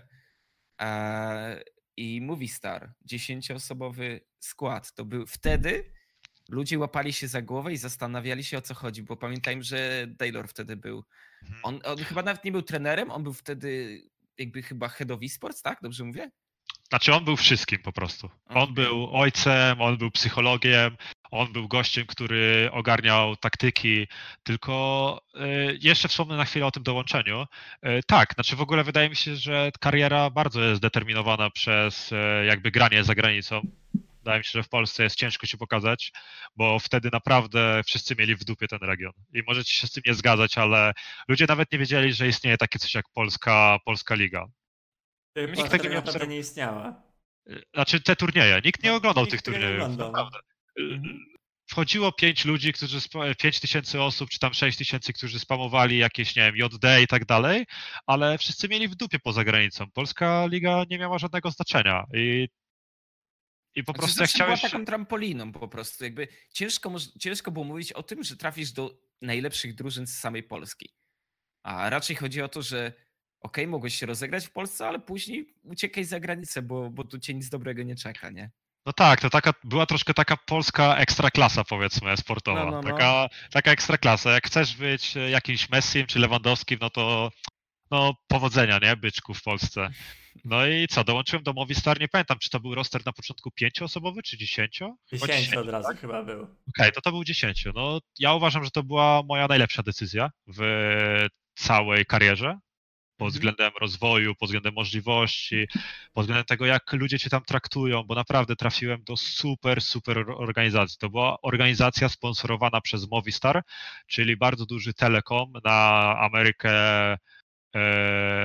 na Amerykę Południową i w ogóle no, na wszystkie te kraje latynowskie, jeśli tak to Mhm. mogę określić. E, więc w ogóle super. I, I tak jak wspomniałeś, Daylor, gościu, który zrobił Perfect Split we Fnatic, jeśli się nie mylę. Prawda? Mhm. Zrobił Perfect Split we Fnatic z Hunim i Reignoverem. No, jak on wchodził do pokoju, to czułeś po prostu, że kurwa, jak odezwiesz się, to no, możesz stracić głowę. I to nie, nie przez to, że on był jakiś, wiesz, niemiły, czy był niewychowany, po prostu taki szacunek w tobie budził, Że... Czuć było charyzmy od niego. tak, i to, i to w ogóle wiesz, nawet bez żadnego słowa wchodził i po prostu opadała ci szczęka. Miałeś po prostu wrażenie, że no, no kurde, musisz myśleć o każdym słowie, bo jeżeli powiesz coś złego, to no, przegrasz sobie karierę, tak? Gościu nie będzie cię traktował poważnie. I generał wojskowy. tak, się o chodzi tak to, mówiło, że tam nie wiem, że trzeba było telefony oddawać A, o którejś tam godzinie. ale właśnie, Jak to ale wyglądało właśnie, u was? Właśnie Znaczy- były, były też te wprowadzone? Jakieś tam powiedzmy zasady? Nie, znaczy, a- znaczy były zasady oczywiście, zasady są, e, zasady powinny być zawsze, tak, typu nie możesz, no jak mieliśmy do biura przychodzić na 11, no to obvious jest, że jak nie przyjdziesz na 11, no to coś jest nie halo, tak, no bo no to jest twoja praca, nie? Mhm. Tam on to bardzo jasno zaznaczył, że to jest twoja praca. Oni mają w dupie, co ty robisz e, po tym, po, po biurze, tak? Przychodzisz o 11, czy tam o 10, chyba 11, od 11 do 20, czy tam 21 jesteś w pracy, później możesz robić wszystko, co chcesz. Możesz nawet sobie pójść na imprezę, jeżeli kolejnego dnia będziesz w stanie grać, oni mają w dupie to, co robisz, tak? A, nie uważasz, sorry, że się wetnę, nie uważasz, No. że to bardzo mocno wpłynęło na to, że zacząłeś postrzegać to już jako karierę, a nie taki, a, nie taką przygodę, o tak to nazwijmy? W sensie to, co cię spotkało w Movistar? Zdecydowanie, no kurde, w ogóle, wiesz, ja byłem chłopaczkiem, który totalnie nie był w stanie sobie poradzić w życiu, w sensie, no w tym sensie, że no kurde, pranie i tak dalej, no ja nie ogarniałem tych rzeczy, no kto ogarnia na przykład pranie w wieku 17 czy tam 16 lat, e, czy tam 18 lat, przepraszam, czy tam rzeczy Wydaje typu, się, że jest całkiem sporo takich osób. no ja, ja na przykład nie W byłem, środowisku e-sportowym jest trochę mniej. no, uwa- uważam, że w środowisku sportowym było naprawdę mało takich osób, które nie wiem, musiały sobie ogarnąć, e, nie wiem, kontrakt samemu, no bo kurde, ogarnąć na przykład, teraz, jest, teraz są agenci, ale wtedy, żeby ogarnąć sam kontrakt, przeczytać to, zastanowić się, czy nie ma tam żadnych kruczków, e, no nie wiem, kurde, nawet dojechać z jednego końca Madrytu na drugi koniec, to jest naprawdę trudne. Te wszystkie rzeczy mogą się wydawać dla was takie błahe, ale jeżeli nie jesteś świadomy tego i nikt ci w tym nie pomoże, to jest to ciężko zrobić. No nie wiem, no sorry, ale mamusia ci na przykład nie. No, no nie wiem, no mamusia ci nie ogarnia na przykład, nie wiem, kontraktu, czy no mamusia nie ogarnie ci, żeby, nie wiem, poszła do szkoły i załatwiła, jak dostaniesz złą ocenę, tak? Jeżeli coś Mhm. zrobiłeś złego, no to ty musiałeś wziąć odpowiedzialność na to, tak? Znaczy, ja się zgadzam w kwestii kontraktów, bo uważam, że to jest coś, co dalej kuleje. Jakby ja uważam, że teraz jeszcze nie wiem, jak to jest w Europie, bo, bo europejski rynek jest na pewno a, trochę bardziej w tej kwestii już doedukowany, ale e, ogólnie jakby brakuje takich doradców, którzy w sprawach kontraktu będą w stanie ci, wiesz, powiedzieć, co jest dobre, co jest nie. Już nie mówię nawet, wiesz, o kruczkach prawnych, ale to na przykład, że czy powinieneś podpisać kontrakt na pół roku, czy lepiej by było się wiązać na cały rok z tą organizacją i tak dalej. No tak, no wydaje mi się, że już są agenci, ale wtedy w ogóle o tym nie było. To też były, też musicie rozróżnić czasy. Każdy ma inną sytuację. E, Ja powiedzmy, że sam jakby sobie radziłem. W tym sensie, że e, no na przykład nie miałem na przykład internetu tam jakiegoś e, z, z jakiejś tam z jakiegoś telekomu w Polsce, bo nie miałem na to czasu, żeby tego ogarnąć, bo jakby e, no wtedy to było jakoś, nie wiem, tak, że po prostu był bardzo krótki czas między tą pompą a Movistar, więc ja na przykład, nie wiem, żeby mieć internet musiałem sobie tam w Hiszpanii to ogarnąć, bo nie mogłem tego zrobić w Polsce i też nie było mnie też jakby na to tak bardzo stać, w tym sensie, że no, te pieniądze, które zarobiłem, w coś tam inwestowałem, więc no, Mhm. to nie było tak, że ja sobie e, no, nie wiem, miałem kasy z leca i tak dalej. To też, to też były inne czasy pod względem zarobków, naprawdę. To nie jest tak jak teraz, że ludzie dostają kilkanaście tysięcy euro i tak dalej, więc to, to były inne, to były inne czasy też. Znaczy szczerze, ja uważam, że bardzo często ludzie po prostu odnoszą te słowa, które mówimy o przeszłych czasach, do tego, co jest dzisiaj. I rza- rzadko mamy taką, wiesz, y, dystans do tego, co było kiedyś, bo no tak jak mówimy, no w Polsce był dziki, dziki zachód przez długi, długi czas. Dużo różnych rzeczy się działo. A, a teraz, kiedy no już mamy ten na pewno dużo lepszą sytuację, no to często zapominam dość szybko, jak było jeszcze kilka splitów temu, nie? No tak, no zdecydowanie, zgadzam się w, w 100%. No i, i mówię, dla mnie Movistar to była taka szkoła życia dla chłopaczka, który był koki, był takim śmieszkiem, coś poważnego, przyjść do pracy, skończyć robotę, e, zrobić zakupy wcześniej, później jeszcze sobie ugotować, e, tak dalej, tak dalej. Więc to po prostu była taka szkoła życia, która była bardzo fajna i bardzo pozytywnie to wspominam. Tym bardziej, że mówię, no ludzie, z który, których miałem wokół siebie były, były mega. e, Tak naprawdę mega. roster mieliście super stary, jak na to spojrzeć teraz z tamtych czasów. Tak, no wtedy był tam kto? Zairas i Flaxish na Flaxish, początku, tak. Ty- Klajbak i Tritz, Royson, chyba Royson Nie, był to nie, na początku. Hatrix i Hatrix i Magi Felix. Jest A, ale z tego co widzę na Liquipedii, to szybko wskoczył Royson również tam tutaj. No właśnie, ja nie pamiętam jak to było. To chyba było tak, że. To nie było tak, że był Royson na początku, a później oni byli. Na początku był Royson właśnie i potem No właśnie, ja, bo ja pamiętam tak. Ja pamiętam, Royce, że Royson był na początku, bo mówił pick me Anivia albo pick me Velkos, więc to chyba był Royson na początku, naprawdę. Jak ci się grało z Roysonem? O, może teraz. No wiadomo, no Royson wtedy był bardzo dobry, bo też meta była inna i ludzie nie za bardzo potrafili paniszować, też wyglądało to inaczej. No ale jakbym miał teraz wybór, czy chciałbym grać z Roysonem, to nie, bo jestem osobą, która lubi grać pod mid prio i lubi mieć presję na midzie i grać wokół walki 2 na 2.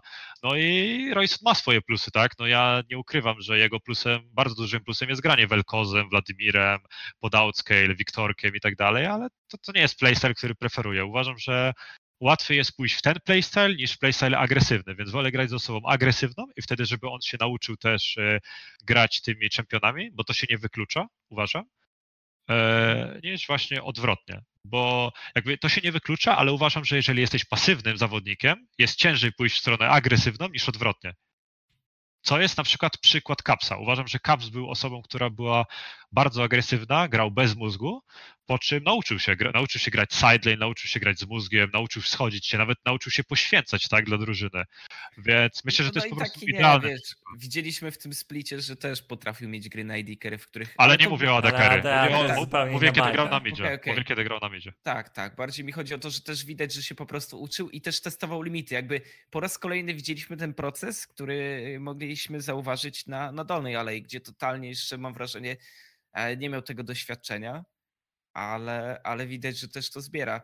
Dobra, to, to w ramach dygresji, ale wracając do Hiszpanii i do tego trybu treningowego, mamy też Deflesa, który pojawił się tam, słynny mem z ławką, e, ale ty bardzo chwalisz jakby ten czas y, spędzony w Movistar. Uważasz, że dla niego to też był czas bardzo wartościowy?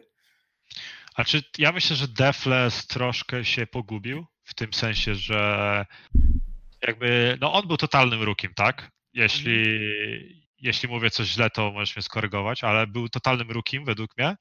I on podszedł trochę tak lekko, w tym sensie, że mu mam wrażenie, że, że on miał takie nastawienie, że o, Jeskla, tam e, dam radę z nimi na spokojnie, nie? Nic się nie stanie, nie? I, I on naprawdę miał momenty, w których grał bardzo dobrze, ale on też nie wychodził poza swój komfort. Jakby on był taką osobą, która grała tak, nie to, że defensywnie, ale to nie była osoba typu laker. To, to nie była taka osoba, która laker na przykład, nie wiem, e, jest stabilny, ale ma momenty, w których jak się odpali, to to widać, że się odpali, tak? Wydaje mi się, że Defles nie był wtedy taką osobą. Mhm. No i, i co? Jeska miał to w sobie, nie był stabilnym graczem, ale miał w sobie coś, co jakby, jakby miał wyższy sufit według mnie wtedy. No i ja nie pamiętam dokładnie, jak to było wtedy z tym jego odsunięciem. Tam Sanchez doszedł.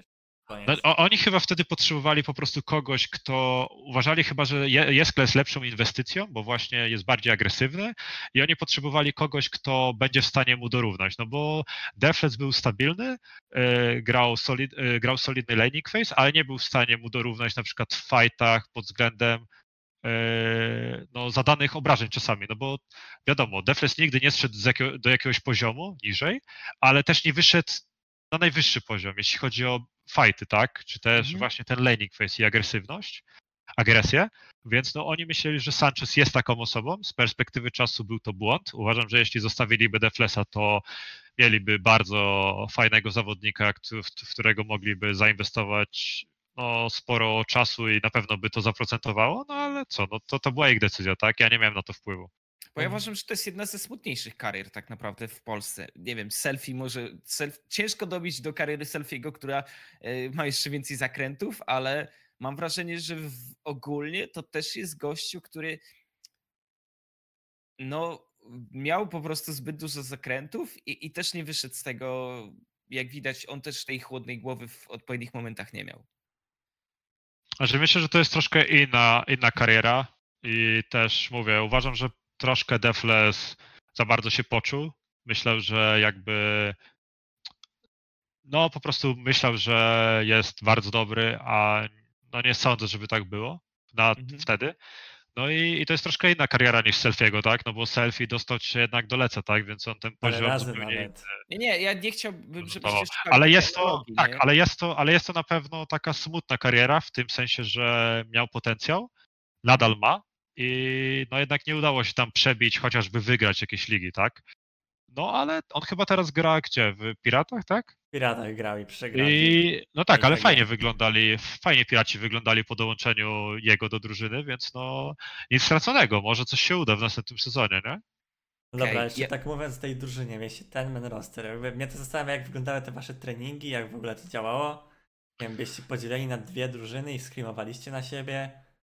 Czy... Tak, e, to było tak, że e, kiedy był ten czas treningów, to mieliśmy takie, mieliśmy cztery pokoje do dyspozycji, więc w jednym pokoju była obsługa streamersko, streamersko-trenerska i tam omawialiśmy i był jeden room, w którym grało pięć graczy, no i kolejny, w którym grało pięć graczy. No i wtedy było tak, że mieliśmy też dwóch trenerów, był Handro i Motroko, i był też ten Taylor, który właśnie spinał te, tych, tych dwóch trenerów i też całą drużynę, czy też organizację pod względem sportowym. A, no i graliśmy bardzo dużo tak zwanych in-house'ów, czyli treningów 5 na 5 na siebie, co myślę, że z perspektywy czasu dawało strasznie błędne rezultaty, no bo nasza meta ograniczała się tylko w tym pokoju, czyli jeżeli graliśmy na przykład przykład e, od czapki Kamil versus Maokaj, e, to uważaliśmy, że na przykład Maokaj kontruje Kamilę albo odwrotnie i nie mieliśmy innych postaci, tak? No bo Mhm. wiadomo, jest ograniczona e, pula graczy. Był tam Zairas, który grał tylko Singedem i tankami i Flaxish, który grał bardziej carry postaciami. No i wiadomo, no kurde, Zairas nie znajdzie ci kontry na Flaxisha, GPK, czy tam na Kamilkę innych niż tanki. A jak grasz jednak na jakichś zawodników z Włoch, czy czasami ci się uda poskrymować na zawodników z, e, z Ligi Niemieckiej, czy wtedy udawało się bardzo dużo scrimów na e, też na, na zawodników z Leca, z LCS-a, na Unicorns chociażby. Wiadomo, ta meta jest inna, więc my skrimowaliśmy za dużo w tym systemie, co prowadziło do błędnych e, rezultatów, czy też błędnych, e, błędnych, e, Wniosków. błędnego myślenia, błędnych Mhm. wniosków. Tak. A, czyli, bo ogólnie wiesz co, ten koncept zawsze się przewi- przewija, zawsze jest dyskusja o tym, wiesz, teraz kiedy mamy akademie lecowe i, powiedzmy ta współpraca między tymi dwoma drużynami, gdzie, no co by nie mówić, w waszym wypadku nie było takiej jasnej granicy, kto jest tym, mam tu na myśli ustalonej z góry, na zasadzie to jest main roster, to jest akademia, bo tam tak naprawdę ktoś lepiej performował, mógł z tygodnia na tydzień. Tutaj powiedzmy ta, ta dyskusja trochę inaczej wygląda, ale sam koncept, jesteś fanem tego? Znaczy, ja ci powiem, że oni też dopiero wtedy to zaczynali. Jakby oni byli pierwszą drużyną chyba, która to spróbowała na świecie. Mogę się mylić, ale wydaje mi się, że Nie, pierwszą. oni, wiesz co, oni bardzo mocno nawiązywali do Korei w tym Tam wszystkim. Sister Teams O. w Korei było strasznie. Znaczy-. Samsung Blue White. No dobra, okej, okej, to w Tam takim to razie. inaczej Byli... trochę działa, bo oni, oni tam się aż tak chyba często Ale, nie ta, ale tam nie było aż takiego chyba składu. Tam był chyba siedmioosobowy skład. To, to Nie, nie, nie, był to dziesięciu. To działało tak, że miałeś Samsung Blue i Samsung White. To były dwie oddzielne Aha, drużyny. Okej, Jakby okej. oni No- mieszkali w jednym gaming house'ie i Okej, Tam no to w takim razie chcieli to zrobić na, na, podobie, na podobie Korei i uważam, że gdyby zachowali core, czyli na przykład jest dwóch graczy, z którzy muszą grać zawsze i wtedy dobierają trzech zawodników, to wyglądałoby to lepiej niż taka ciągła mieszanka. Też, też wiadomo, zawodnicy tam nie byli na najwyższym poziomie wtedy. Nasz skill był bardzo podobny i to bardzo, bardzo jakby zależało od predyspozycji zawodnika o, na turnieju, tak? Więc e, no nie wiem, no ja nie byłem fanem, bo ja wtedy też ze złym mindsetem po, podszedłem do tego. Ja uważałem, że gościu, z którym konkuruję, nie ma do mnie podjazdu i w pewnym momencie byłem delusional, bo myślałem, że tak jest. Okazało się, że jednak jestem gorszy, przez co siedziałem na ławce i to było takie błędne koło. No i też ta presja, bo jednak, kurde, idziesz do pracy i masz takie, dobra, okej, we wtorek skrimujesz, w środę skrimujesz, w czwartek grasz oficjalny. No i, i co? We wtorek grałeś, w środę grałeś na przykład na treningu, uważałeś, że byłeś lepszy i w czwartek jednak co? No kurwa nie grasz na oficjalu i nie wiesz, co się dzieje. Nagle Mhm. masz, wiesz, wracasz do domu i, i co? I sobie myślisz, dobra, no to, no to super, oni ci plują na twarz, tak? Ty zagrałeś lepiej w tym tygodniu i, i co? I ty nie grasz? Bo ja na przykład nie rozumiałem wtedy takiego czegoś, że oni chcą coś spróbować, że nawet jeśli byłem lepszy, to oni chcą coś Ale spróbować. to myślisz, że to jest kwestia komunikacji na zasadzie tego, że to nie było w jasny sposób y, ci przedstawiane, jakby koncept. y, Wiesz co, oni zespołu? też, oni też nie wiedzieli do końca, co robią. Oni, wiedzie, oni mieli jakby, oni mieli w głowie, co chcą zrobić, ale czy robili to dobrze i tak dalej, to no wiesz, no to był ich pierwszy split, tak, jeśli chodzi o ten main roster. Też, y, no, je, jeszcze powiedzmy odnośnie pięcioosobowego rosteru, jesteś w stanie skopiować coś z Korei, jak oni to robią, tak, ja- jak to wygląda, ale dziesięcioosobowy roster nie jesteś w stanie, nie było wtedy żadnych informacji, jak to wygląda. Nadal nie ma takich informacji. Nadal nie ma informacji, Znaczy, ja jak prowadzić dziesięcioosobowy roster. Tak, tak, tak. No właśnie, więc to jest, to jest coś, co w piłce nożnej już zostało, wiesz, zapoczątkowane x lat temu, że masz, masz e, głównych zawodników i masz też ławkę, tak? Mhm. I oni ze sobą współpracują w bardzo takiej normalnej atmosferze, nietoksycznej. Tylko A tam nie było wiesz, co, zaimplementować ławkę, wydaje mi się, we sporcie. Po prostu. No jakby dokładnie, dokładnie. To nie jest tak, że na treningu wszyscy gracie sobie i wiecie, gracie w tego dziada czy w co innego, e, nagle później każdy z was rzuty wolne i tak dalej, tylko albo grasz w Screama, albo... Albo nie grasz. albo nie No. grasz. No dokładnie i właśnie w tym jest problem, że w tym naszym zawodzie bardzo ważna jest synergia. Bardzo, bardzo ważna. Jeżeli nie masz synergii z e, czterema, no powiedzmy, no dobra, powiedzmy z czterema innymi zawodnikami, no to kurde, no to co, no to możesz klikać FF w grze, nie? No bo jesteś na przegranej pozycji, bo przeciwna drużyna jednak ma, nie wiem, 20 godzin więcej niż ty, czy tam 30 godzin więcej w skali treningu, tak? E, No i co? I, I tyle. I też y, zasady, które były, też były jakieś dziwne, że mogłeś zmienić chyba raz w ciągu tygodnia zawodników, czy coś takiego, więc to w ogóle to nie było totalnie. Esport nie, nie był i nie jest przystosowany do zmian. No bo co? Musisz zgłosić zawodnika, no i co wtedy? Jak jednak ten zawodnik jest słaby dzień wcześniej? No nic. A No musisz tak. zgłosić dwa dni wcześniej, czy trzy. No i co? No i jesteś tak zawodnikiem, który, który jest chujowy w tym tygodniu. No i co? No i good luck, nie? Zasada na Worldce, która była przez długi czas, że tylko jednego zmiennika mogłeś brać, nie? No Gdzie- tak, tak. Gdzie to bardzo mocno ograniczało, szczególnie te koreańskie zespoły, które próbowały tam w jakiś sposób, wiesz, tu jeden gra w takim stylu, tu, tu drugi w takim. I, ale też ciężko powiedzieć, że to był taki jednoznaczny sukces tych składów, których mógł, miałeś rezerwowych.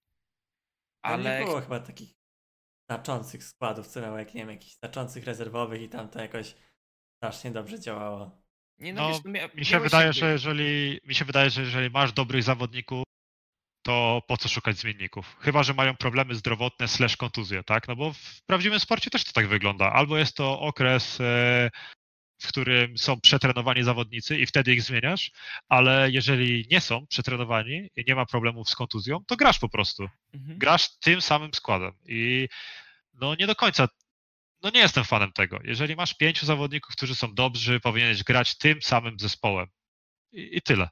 I Okej. kropka. To jest, to Miałeś jest myślę, że też- puenta. Bardziej Felixa miałeś w drużynie. Nie wiem, to mnie bardzo ciekawi, jak wygląda w ogóle ten człowiek, jak on się zachowuje, bo aktualnie no wiemy, że ma, miał on te z 5 kont chyba, a 5 albo 4 w top 10 last sezon. Też no Magic Felix taka super, super star z roku. Teraz Tak naprawdę trzy konta. Wojtek chce, Wojtek chce się dowiedzieć, jaka jest formuła na wbijanie pięciu kont w Ja ci powiem tak, ja to ci jest- powiem tak, mordeczko. Formuła jest taka, nie bądź toksyczny, yy, nie śpij w ogóle i graj w komputer. Taka jest formuła. No, co mam ci powiedzieć? Dzisiaj obliczyłem, ile gierek zagrał w tym sezonie. Gościu zagrał na czterech innych kontach, na każdej innej pozycji, bo grał chyba top, mid i jungle. Zagrał 901 gier, plus screamy. 901 gier! Wyobrażacie sobie, ile to jest godzin w trakcie sezonu? 901 gier na solo queue. To jest, to jest, to jest aż niemożliwe, to że aż tyle zagrał. Naprawdę. 10 No, gier na dzień średnio. Gościu, gościu napierdala po 14 godzin. Naprawdę. I, to- i, i, no dobra, może na, znaczy dziennie 14 godzin. Gra, nie wiem, 5, 5 godzin screamów, po czym gra kolejne 10 kurwa solo queue. To jest, trzeba być cyborgiem po prostu, żeby grać 10 gierek dziennie plus screamy. I najlepsze jest to, że on ma taką staminę, że on jest w stanie performować na najwyższym poziomie. To jest w ogóle jakieś niesamowite, nie? Nie, nie I- wpływa na niego ilość godzin, które rozgrywa? Wiesz, ja uważam, że to jest człowiek, który jest strasznym introwertykiem. To jest osoba, która totalnie, gdyby się puścił na mieście i kazałby się jej dojść do domu, to prawdopodobnie by nie doszedł do tego domu. I nie uważam, że to jest złe. Nie, znaczy, nie mówię, czy to jest złe, czy dobre. Po prostu tak jest. I Mhm. tyle. Są osoby, które są w sporcie też takim normalnym, które też nie poradziłyby sobie w życiu bez danej osoby. I co, no, no kurde, może dlatego jest takim kozakiem, może dlatego wbija takie punkty. No, co mogę powiedzieć? Najlepsze umysły matematyczne również miały problemy z głową.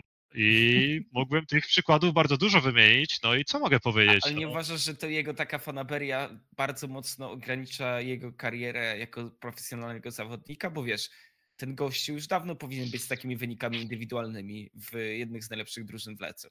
No, jeżeli nie jest, to czegoś brakuje. Ja uważam, że gra League of Legends nie jest już tak zaprogramowana, że masz mechaniki, graj sobie.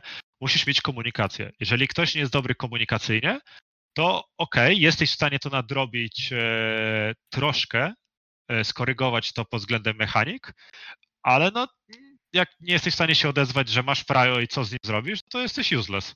Mhm. Po mhm. prostu jesteś useless. No i tak to wygląda, nie? No i też dochodzi do tego, że on chyba troszkę czołkował na tej scenie, nie? No i co, no? Gdyby był, byłby w lecu. Uważam, że teraz jest tylu dobrych zawodników, że ma ciężko. Po Movistar mógł się przebić, nie zrobił tego. Nie wiem, czy się dostanie teraz do leca. Bardzo wątpię.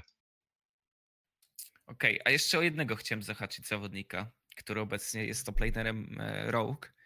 E, Ja pamiętam, że kiedy ogłaszali Devil's One, było takie spotkanie, na którym mogliśmy sobie trochę pogadać, a ty byłeś jakby przedstawicielem drużyny rolowej i pamiętam, zahaczyliśmy właśnie o, o Fina, bo ty wspominałeś, że wtedy ten y, zawodnik tak naprawdę uczył się jak, jak grać w League of Legends, jakby wiedza makro, jakby mechanicznie zawsze był dobry, ale to jest coś, co musiał nadrabiać i to w bardzo szybkim stopniu, bo pamiętajmy, że on e, w Rogue e, pograł sobie jeden split, a w drugim już musiał grać w Lecu. I zastanawiam się, jaką ty masz opinię, bo wiesz, uderzyło mnie to ostatnio, co widzieliśmy wczoraj e, na, w Lecu, kiedy e, jakby w drafcie bardzo odważnie Rogue postąpiło, blindując Irelię. E, Zostali ukarani przez Szalkę, bo tam pojawił się Jax, totalnie zintował, totalnie zrandomował tą grę.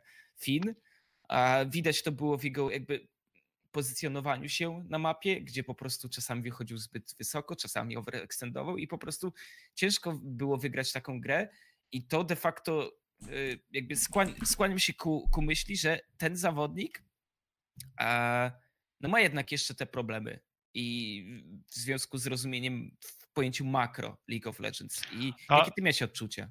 No ale wiesz, to jest młodziutki zawodnik. To teraz spojrzałem, on w 2018 był w Movistar, więc to jest dopiero okres niecałych, niecałych, naprawdę podkreślam, niecałych dwóch lat kariery. I no co, jak on zaczynał, oczywiście miał dobre mechaniki. W ogóle ja chciałbym coś zaznaczyć, bo ludzie źle patrzą na to. To nie znaczy, że jak masz mechaniki, to masz dobry laning phase. To nie jest to samo. Możesz mieć mechanikę, możesz mieć słaby laning phase, bo mechanika to nie jest laning phase tylko. Laning phase to jest jak układasz wave'y, jak kontrolujesz je, jak wygląda sytuacja z TPK-ami, jak się komunikujesz, to wszystko wpływa, jak się zachowujesz podczas 2 na 2 na midzie, czy tam 2 na 2 na topie, to jest mechanika, ale wszystko inne uważam, że to jest makro, więc y, to, że masz nawet najlepsze mechaniki, to możesz być totalnym ściekiem, jeżeli nie umiesz ułożyć wave'a, bo A nawet... Szczególnie na topie, nie? Na, nawet w Lecu zdarzało się, gdzie on y, zaczynając w Rogue ułożył raz wave'a źle na Jacksie, jak zaczynał i gościu został wywalony chyba 60 CS-ów do tyłu. No wiadomo, w nacionalach nikt ci tego nie spaniszuje. Mhm. Nie masz jak się tego uczyć, taka linia tego nie też. spaniszuje. Też screamy w nacionalach screamujesz zazwyczaj na drużyny z nacionali, więc nie, nie screamujesz na drużyny z Leca. Tym bardziej w tamtych czasach nie było takiej możliwości, żeby screamować na drużyny z Leca, bo to było bardzo zamknięte grono, więc no co, no przychodzi reality check, no i tyle, nie? No i, i co, ale myślę, że ma bardzo duży myślę, że ma bardzo duży sufit i zobaczycie, on jeszcze on jeszcze pokaże. Uważam, że gościu pokaże. Nie wiem, jak dla mnie Finn na to, jak gra teraz, to całkiem dobrze się. Znajdzie się tam No. moment, że zrandomuje tak jak wczoraj, no ale generalnie tak wygląda uważam. całkiem dobrze jak na to, w jakiej jest drużynie. W ogóle chcecie Ja- pogadać jeszcze o Finie, bo szczerze mówiąc muszę iść do toalety i jakbyście mogli pogadać, ja bym szybko skoczył, co wy na to? Dobra, Dobra. jasne, no. Jak masz się zlać na krzesło, to wiesz, to, to lepiej byś Lepiej. poszedł. Lepiej, żeby poszedł.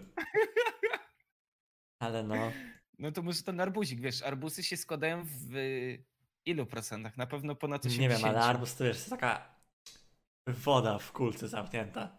I takiej tak, bardziej tak. zżytej konsystencji. To się zgadza. Lubisz arbuzy? A akurat nie jestem za dużym fanem arbuzów. A jestem właśnie big fanem, więc to, to jest jakaś Na tam przykład, nie wiem, wspólna. wolę gruszki. Albo jeszcze takie spoko owoce. Winogrona. Ale z tego co rozumiem, czy Wojtek wyciągnąłeś jakieś wnioski odnośnie tematu Magi Felixa? Jakby Już znalazłeś złoty środek na to, nie wiem, solo queue? nie jest złoty środek, ale Magifelix to jest naprawdę. On, Nie no, gość, gość ma, wiesz, o- on ma klucz na to, jak być zajebistym w solo queue. Ale to jest, wiesz, to nie jest tak, że on sobie gra, nie wiem, z one trickiem czegoś tam, tylko on legitnie może zagrać w lesie, może zagrać na topie i na każdej roli sobie High Challengera. W tym momencie Magifelix ma trzy konta. Trzy konta w Challengerze. Jedno konto na topie ma chyba 1400 LP, ma czwarty rank 4 czy coś takiego, jest drugim najlepszym top lanerem teoretycznie według rankingu. Tylko przed nim jest tylko Bwipo. W lesie ma też jakieś 700 LP, więc no ja naprawdę mad props dla niego. Jakby to, że on gra na tych wszystkich pozycjach, Witam, witam serdecznie. Daje mu taką przewagę, że no ma lepsze zrozumienie na pewno gry. Bo jakby no grając na midzie na pewno wie lepiej jak się zachowuje dżungla, przez to, że nie wiem, chociażby gra na tej dżungli i potrafi wbić jakieś punkty wyższe. No, ale z drugiej strony, wiesz, rozumienie gry y, w odizolowanym solo queue, a rozumienie gry w, y, na screamach to jest diametralnie co innego. Znaczy ja się z tym nie zgadzam. Sorry, że w ogóle w połowie, w połowie rozmowy, w połowie rozmowy e, wbiłem, ale Okej. to było coś, co mówił mi Daylor i właśnie Handro i najbardziej chyba mówił mi o tym Shippy.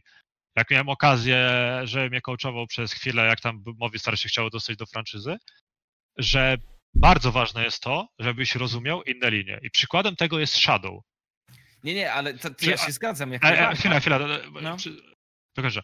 Przykładem tego jest Shadow. Shadow to jest gościu, który gra AD carry i mida na solo queue. Tylko. On nie gra w ogóle lasu, w ogóle. I on rozumie wszystkie matchupy, z tego co słyszałem od e, tego coacha ich. Za tak, zna wszystkie matchupy, jak wygląda jeden na jeden. Automatycznie wtedy wie, jak wygląda dwa na dwa i do tego, no, wie po prostu, co ta postać może zrobić też. I fakt, z perspektywy leśnika, matchupy są ważne, tak? I, I to jest taka główna rzecz, którą możesz wyciągnąć. Ale jeżeli jesteś midem i grasz las, to wtedy jesteś w stanie zrozumieć, jak jungler robi buffing, co może zrobić, jakie, kiedy może przyjść na mida, gdzie może postawić warda, e, jak może zgankować i tak dalej, i tak dalej, i tak dalej. Więc fakt, on się nie uczy tego matchupu stricte. Jeden na jeden mecz w lesie jest ważny, ale no nie oszukujmy się. Mecze w lesie jest bardzo zależny od linii, więc on jest w stanie nauczyć się, jak przeciwnik może zrobić buffing, na co może zwrócić uwagę i tak dalej, więc to jest mega ważne według mnie, no bo nie skupiasz się na tym grając solo queue na midzie. I też trakowanie leśnika. Jeżeli on wie, w którym miejscu przeciwnik ma kampy i gdzie i w jakiej pozycji jest na mapie, to on może sobie grać na midzie jak chce. I Magi Felix to była właśnie osoba, która naprawdę zajebiście rozumiała, gdzie jest przeciwny leśnik. On po prostu wiedział. Jego się nie dało zgankować. On po prostu sobie grał agro wtedy, kiedy mógł, a jak nie, a jak nie, a jak e, nie grał, to znaczy, że po prostu wiedział, że leśnik jest wokół niego. I ja na dobrą sprawę nie musiałem mu mówić, gdzie jest leśnik. On po prostu sobie grał. I takich zawodników nie ma dużo, naprawdę. Jeżeli grałbym sobie z, nie wiem, powiedzmy czekoladem, czy nawet grałem z Matisławem, czy z, no nie mówię Roysona, bo Royson stałby przy towerze, tak, ale no powiedzmy taki Warszy. Jeżeli Warsiemu powiedziałbym, gdzie jest leśnik, to jestem pewien, że po prostu ust- zjebałby wave'a, wyjebałby się i tyle. I ja nie mówię, że to jest złe, tak? Po Mhm. prostu trzeba rozróżnić. Jeżeli masz plusy i minusy, ważne jest to, żebyś znał swoje minusy. Na przykład Czajek.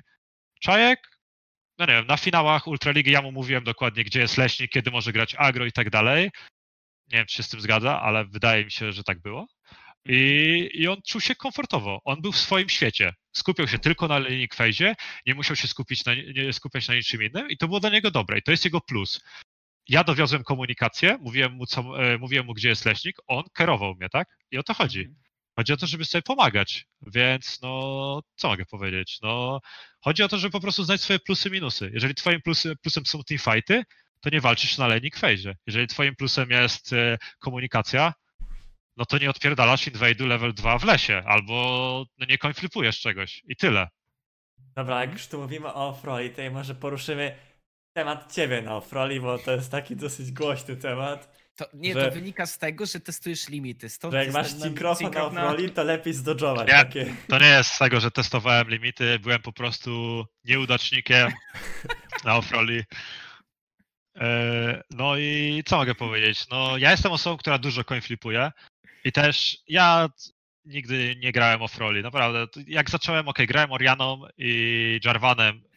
Nie, sorry, jak Rek'Sai była z Tepekiem, co na RC, to grałem Rek'Sai wszędzie. Grałem kurwa po prostu Rek'Sai.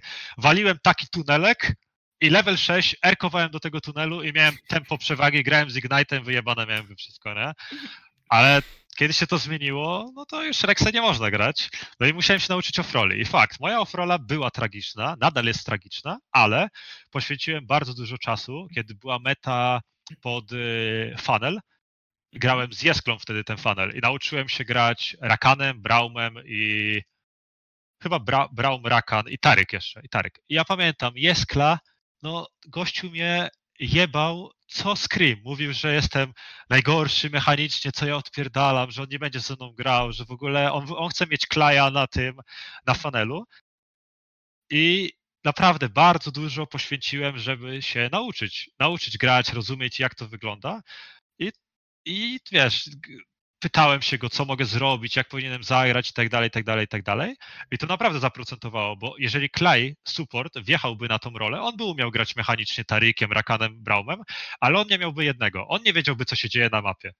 A ja byłem osobą, która zawsze wychodziliśmy do przodu, bo ja wiedziałem, że muszę zrobić reda, później wziąć midwave'a, później miałem 15 sekund na to, po 15 sekundach musiałem zrobić to, później camp się respił za 30 sekund i tak dalej, i tak dalej, więc ja totalnie go micromanagowałem. Fakt, nie byłem najlepszy na laning phase, jak była już napierdalanka 2 na 2, ale bardzo dużo czasu na to poświęciłem i uważam, że na końcu na końcu to zaprocentowało. Uważam, że bardzo fajnie nam to wychodziło na oficjalach i ludzie naprawdę się tego bali. No dobra, tak teraz już solo tu. Soloku, to co masz na secondary role?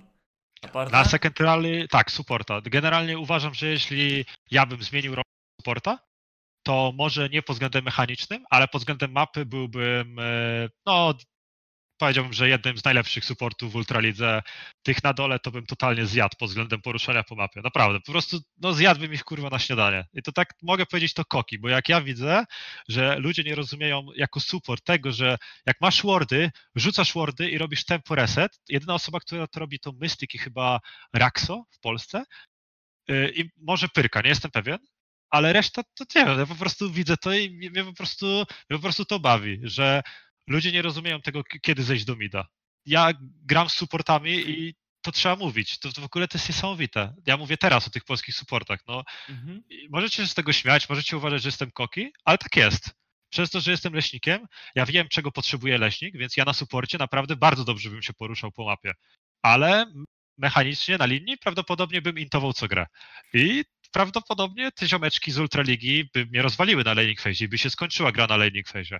Ale jeżeli byłbym w stanie dotrwać, to ja bym później ich zmiażdżył pod względem makro, nie? Ale I- i taka jest prawda. Co sprawia, że większość zawodników, jeżeli myśli o roll swapie, to właśnie na sporta, bo to jest najbardziej popularny. Czy, czy to wynika tylko z tego, że masz w głowie, ok, będę mógł swoją wiedzę, doświadczenie przełożyć na cały zespół, a mechanicznie, no, to już nie będzie tak wymagająca rola. Nie, no ja uważam, że support jest bardzo mechaniczną e, rolą. No ja miałem takie szczęście, że może nie w Movistar Devils Dotę, e, czyli Robercika, który był naprawdę dobry i w tym, i w tym, nie? Więc to w ogóle, no, no on po prostu był dobry, tak? Mhm. ale są osoby, które nie mają mechaniki i to widać. No kurczę, w Lecu bardzo widać różnicę pomiędzy jakimś Mikey Xem, czy powiedzmy nawet tym nowym, e, jak on ma, nie pamiętam tego jego nowego niku. Kaiser? Tak, Y, Kaiser? G-Stick. G-Stick Kaiser. G-Stick Mhm. Kaiser, bardzo widać różnicę, gdzie gościu totalnie z, Shadowe, z Shadowem grał Dukiu 2-4 na 7 w tamtym sezonie, bo grali razem w drużynie i poruszają się jak totalne szefy po mapie i do tego ma super laning phase, więc ja uważam, że nie dałbym rady na suporcie na wysokim poziomie, chyba, że naprawdę okazałoby się nagle, że wjeżdżam i jestem dobry mechanicznie. Ale laning phase to jest wszystko. Jeżeli wyjdziesz do tyłu z laning phase, to nawet nie masz szansy postawić, szansy postawić wardów. Ja taki Yellowstar na przykład sobie gra w Francji i tam jakoś daje radę No, jeszcze. Wiesz, to jest co innego, bo on już ma doświadczenie no. i on nie ma tych, on nie ma tych mechanik, ale on zna już takie, wiesz, rzeczy, które na przykład, okej, nie, nie zrobię tego, bo tutaj mogę się pomylić, mogę mieć gorsze mechaniki, ale jest w stanie zagrać tak, że goście go nie zmiażdżą, nie? A jak gdybym ja wjechał, to potrzebowałbym przynajmniej roku, żeby chociażby nauczyć się tego laning phase'u, liznąć te wszystkie rzeczy. Ale co do offroli, bo to był nasz topik teraz, powiem wam, że poprawiłem się bardzo. Uważam, że Irelię, jak pikuję Irelię, jestem w stanie nie zintować, bo Bo... reklama. Ale Irelia to taka ambitna postać jak na offrole, szczerze Na Znaczy- mówiąc. Frole to na Maokaje i uważam, że tak. Irelia jestem w stanie, jestem w stanie nie zintować, bo podczas po prostu, jak jest slow push do przeciwnika, to po prostu no wiem jak to, wiem jak grać i też potrafię dobrze schodzić z linii. I, ale zazwyczaj gram supporta i Rakana na przykład mam dobrego, Brauma mam dobrego, Nautilusa mam ok, więc to są te postacie, którymi potrafię grać, nie? I raczej nie, nie zintuję jakoś mocno. I na midzie miałem okres, w którym grałem dobrego Kasadina, no bo wiadomo, farmisz i chillujesz po prostu. I też Eko spoko grałem, Eko i Syndrę. Syndrę też miałem tak ok, no ale wiadomo, jakby to jest takie jak mam offrole, to znaczy, że też gram na zawodnika z offroli zazwyczaj, więc to nie jest taki super poziom. Jakbym grał na Capsa albo na Mike Exa, to prawdopodobnie bym e, no, skończył 0,8, nie? Więc no. Pole, polecasz się na offrole, no jako duo partner. A czy uważam, że uważam, że nie warto dodżować. Uwa- grałem z czekoladem chyba duo Q, zagrałem rakanem, albo nie, chyba z, chyba z czekoladem grałem i gościu mi zintował grę, nie? Gdyby mi nie zintował, to bym skierował. No to co mogę powiedzieć? No to jest właśnie ten Czekolad, poziom. tłumacz się. To jest właśnie ten poziom polskich zawodników, że flamują offrole, a później, a później co, jak przychodzi co do czego, to intują mi. jak przychodzi co do czego nie ma Variona na duoku, no to już się nie da grać. Nie, no, oczywiście śmieję się, no, ale mówię, no offrola, offrola jest ciężka, jeżeli grasz tylko, tylko swoją main pozycję, no to ciężko jest się nauczyć tego innych ról, tym bardziej, że nie jesteś dobry mechanicznie, tak? Albo jesteś dobry mechanicznie, ale nie jesteś wybitny, tak? Dobra, Kuba, przechodząc, żebyśmy dokończyli to wszystko, co mieliśmy zaplanowane, ale i tak pewnie coś będziemy musieli skipnąć. Devil Swan, a w zasadzie twoja pozycja na rynku transferowym przed Devil Swan. Bo wiesz, Hachi mówił o tym, że wyciągnął cię dosłownie a, dobrą ofertą. I, co, jakie ty miałeś plany? Jak wyglądała twoja wartość na rynku transferowym i czemu w końcu Devil's One? Znaczy ja w ogóle wartość miałem bardzo dobrą po Hiszpanii, naprawdę. Ja wygrałem chyba, znaczy zająłem drugie miejsce, możecie się śmiać, drugie miejsce, ho, ale naprawdę te finały były bardzo close i tam było naprawdę o włos, żebyśmy wygrali w, w niektórych pojedynkach. No i, i moja wartość była bardzo dobra. Miałem bardzo dużo ofert z Hiszpanii, Francji. We Francji mogłem zgarnąć taki pitos, że jakbym tam poszedł, to naprawdę zarabiałbym na poziomie no, zbliżonym do Leca, więc w ogóle wiesz, no było Ale bardzo coś, dużo Ale okazji. coś cię skusiło jednak, żeby nie wybierać tych, y, tej dużej kwoty, a jednak brać Devil's One. Znaczy, wiesz, warunki, które zaproponowało mi Devil's One nie były złe, były bardzo dobre, nie? Więc to nie jest tak, że te I- warunki... Ja, ja, nie mówię, Infrastruktura. ja nie mówię, też- że tutaj wiesz, miałeś pracować za mis- miskę ryżu, ale z drugiej strony wiesz, chodzi o to, że finansowo tamta propozycja była po prostu bardziej No, atrakcyjna. Zdecydowanie, ale ja też e, bardzo wierzyłem w to, bo też to było fajnie zrobione, że to był pierwszy raz, kiedy ktoś zaprosił mnie do biura, bo było tak, że przyjechałem chyba w grudniu na pierwsze rozmowy e, i zaprosił mnie właśnie e, Maciek e, do, na rozmowę, był tam też Hachi i wtedy sobie przegadaliśmy, jak by to miało wyglądać, na co chcemy zwrócić uwagę, jakie są nasze priorytety, jaki chcemy roster i tak dalej, i tak dalej. Było bardzo dużo dyskusji. No i dopiero budował się ten budynek. Ten budynek chyba było, był parter, było pierwsze piętro niedokończone. I, znaczy nie, pierwsze piętro chyba było dokończone, ale drugie w ogóle nic nie było i trzeciego nic nie było, nie? Więc to były początki i mnie bardzo jakby mnie bardzo przyciągnęła ta taka taka ludzka rozmowa i też takie budowanie od podstaw. No Mhm. i też ludzie wokół siebie, no bo kurde, Hachi, bardzo, bardzo doświadczony trener, też e, był tam Zetural, który wtedy, no, no gościa nie kojarzyłem, no i był takim naszym menadżerem, no ale z perspektywy czasu widać, no gościu z menadżera stał się jednym z najlepszych trenerów w Polsce, więc w ogóle mega, mega miałem farta, no i też zawodnicy agresivo, bo wtedy na pewno był agresivo w głowie, i Mhm. był, e, i był w głowie e, Matisław? Czy nie wiem, tam była chyba. Nie, to chyba był Matisław, może ktoś jeszcze miał być. Chyba były rozmowy też, żeby czekolad, ale czekolad wtedy jakoś był useless. W sensie on był w Hiszpanii, ale on był totalnie. Był uważany za jakiegoś totalnego mentala, za przeproszeniem i. No wiesz. Mankis był i hardkorował niektóre gry. No, tak, ale, Ale jakby na miał- solo. Jakby na solo. Chodzi o No to, że tak, on to na był solo. też jeszcze moment, gdy napisał niemiłe słowa do pewnej pani. Znaczy pani to w ogóle cho- chodzi o to, że po prostu wiesz, myślisz sobie i wyciągasz wnioski na temat solo queue. Ja nie mam dobrych e, układów z zawodnikami i ziomkowałem się z nim, więc no wiesz, no ja nie miałem, ja nie miałem pojęcia kto to jest czekolad, wiedziałem, że, znaczy wiedziałem, że grał w Monkeys, ale no, no nie traktowałem go jakby poważnie i też wydaje mi się, że osoby, które nie wiem, jakby nie wiem, czy prowadziły rozmowę, ale jeśli prowadziły, to nie traktowały, tak, jakoś tam poważnie, więc no był ten Matisław i był Erdote, który uważam, że miał bardzo, bardzo, bardzo duże predyspozycje i nadal ma, no kurde, teraz miarzy totalnie Hiszpanię, więc no i Laker. No, mieliśmy po prostu taki roster, że nie miał Ale wtedy, prawo... ale wtedy Erdote chyba nie był tak. W sensie ja z tego co pamiętam, to były jakieś dyskusje wokół tego, jakiego supporta wybrać. Laker był wtedy świeżo po akademii, on był superstar ultraligowy, agresywą zawsze nie było podjazdu. No i Matisław nam idzie. Ja nie? właśnie, Który- ja właśnie nie pamiętam. Tam były jakieś opcje inne chyba na supporta, ale ja z Robertem, z tego co pamiętam, to rozmawiałem na początku, od początku, jak on się na to zapatruje i tak dalej, czy, czy dostał ofertę i tak dalej, i tak dalej. Więc Mhm. to właśnie, no nie wiem. Tak, wydaje mi się, że to były pierwsze opcje z tego, co, z tego, co kojarzę. Chyba, Znaczy, że Kirej, chyba, że. A nie, może ja byłem na drugiej opcji, Kirej był na pierwszej. Ale...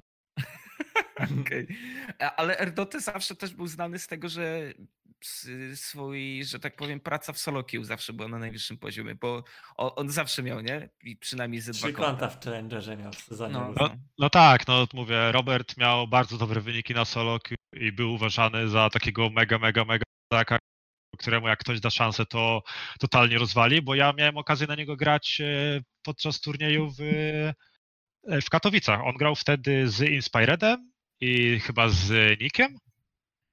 grał w Chef plus 6? Nie, jak to się nazywa? Nie, Szata Szata Maga. Maga, Szata Maga. Maga. Szata Maga, no i on mega dobrze grał, więc no, no uważam, że poza... Wtedy Mystic był chyba najlepszy z tych takich polskich supportów, którzy byli na markecie, ale poza nim to, to był Erdote i, i nie było innej osoby z tego, co, co kojarzę, nie? Dobra, Kuba, proste pytanie. Od początku byłeś namaszczony na kapitana. To, to był też twój pomysł? Jak się z tym czujesz przez całość e, swojej przygody w Devil's One? Znaczy wiesz, to było tak, że to było ogłoszone publicznie, że ja jestem kapitanem, kim tam ja nie jestem i tak dalej, i tak dalej. A ja byłem ziomeczkiem, który po prostu prowadzi gierkę i Mhm. tyle. I wiesz, ja też nigdy... Okej, inaczej. W Movistar widziałem, że kapitan, taki prawdziwy kapitan, mega zawiódł swoją drużynę i nie outside of the game, tylko w grze, nie?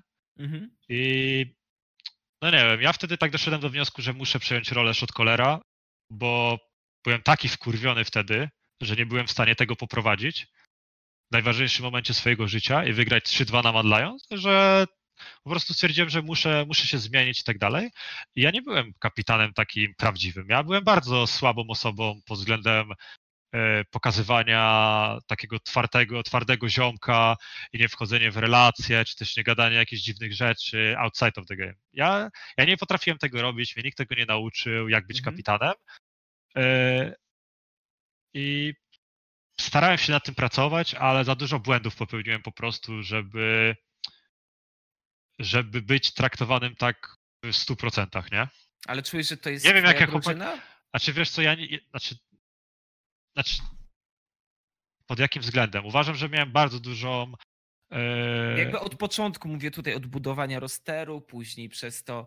Znaczy myślę, że ha, myślę, myślę, że bardziej Hachi był taką osobą, która zbudowała ten roster.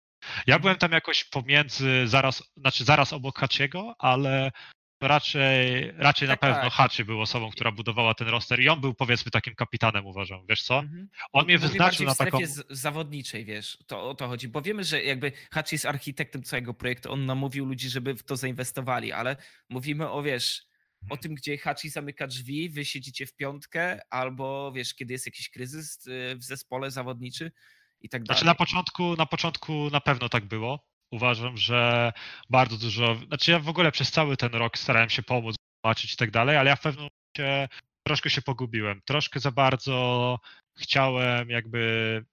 Znaczy, nie wiedziałem też w jaki sposób przekazywać to, co chcę powiedzieć. Nie potrafiłem się wysłowić w odpowiedni sposób, żeby mieć taki, taki kompletny szacunek. No i też e, za bardzo wdałem się też w takie relacje, wiesz, takie no ziomki, ziomki.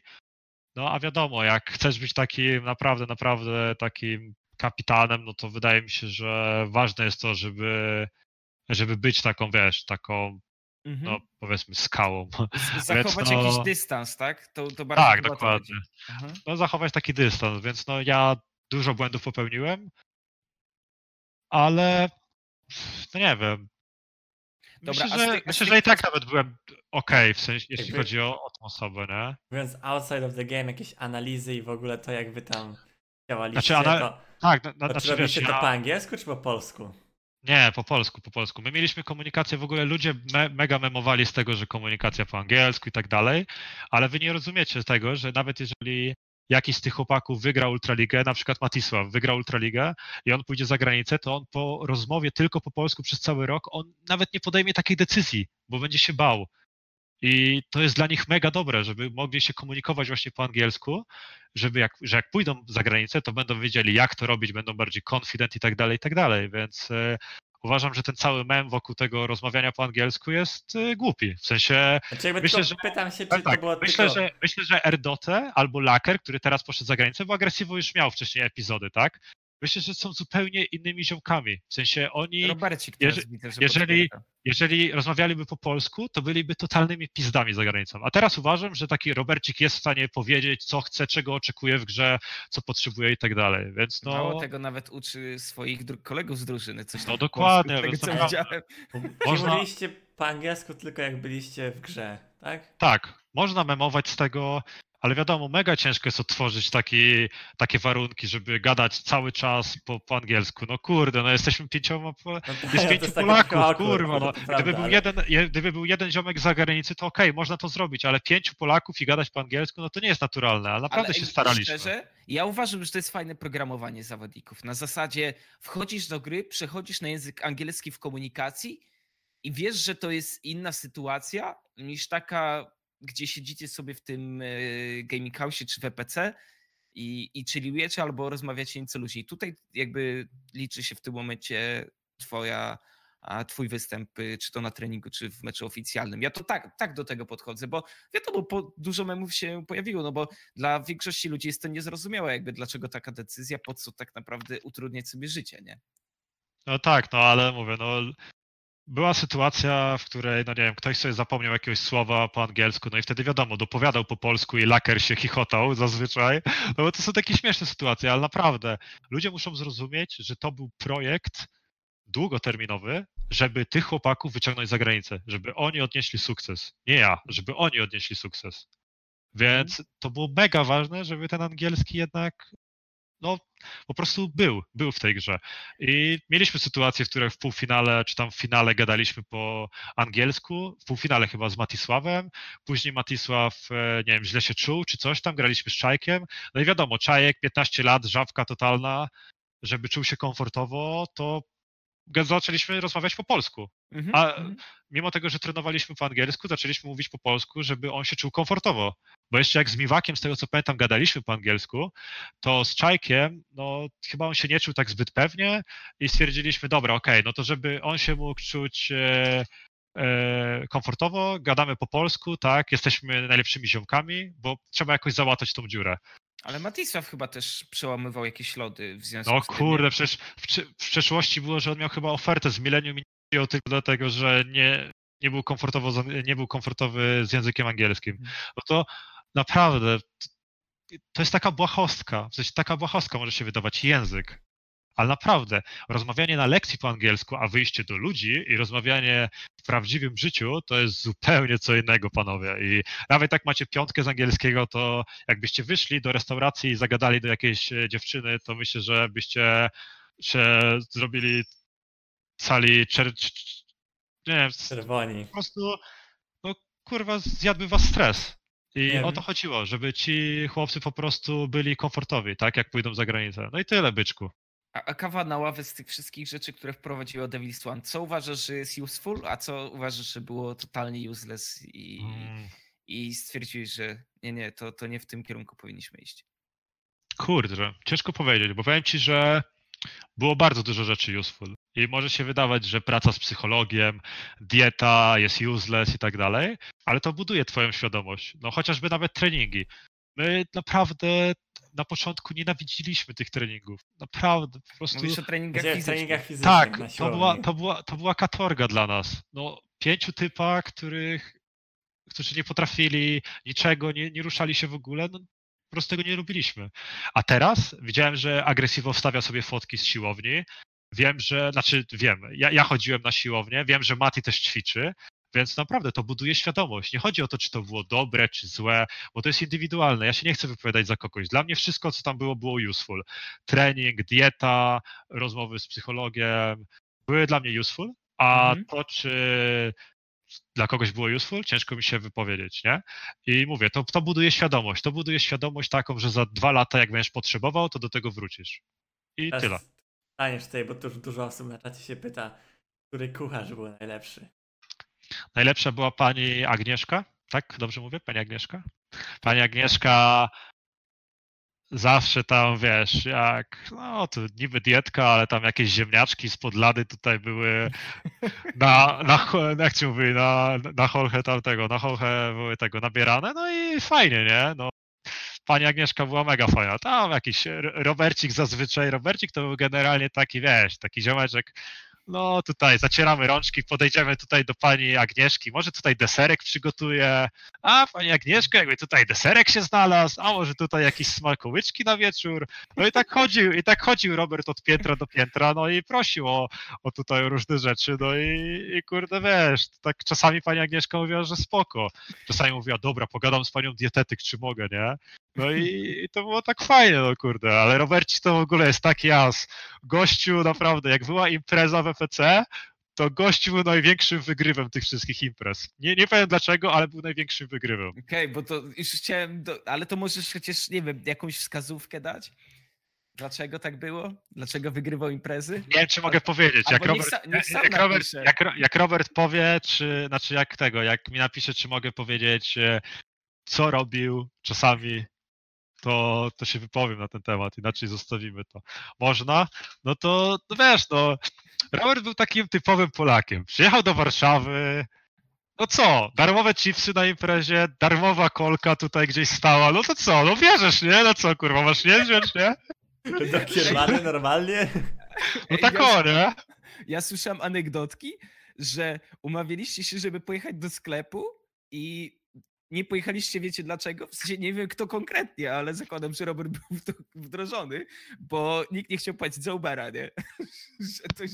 A, to już w ogóle z tymi Uberami to tak. Może byłem nie najlepszym kapitanem, może zawiodłem, ale za Ubery kurwa płaciłem, wszyscy się cieszyli.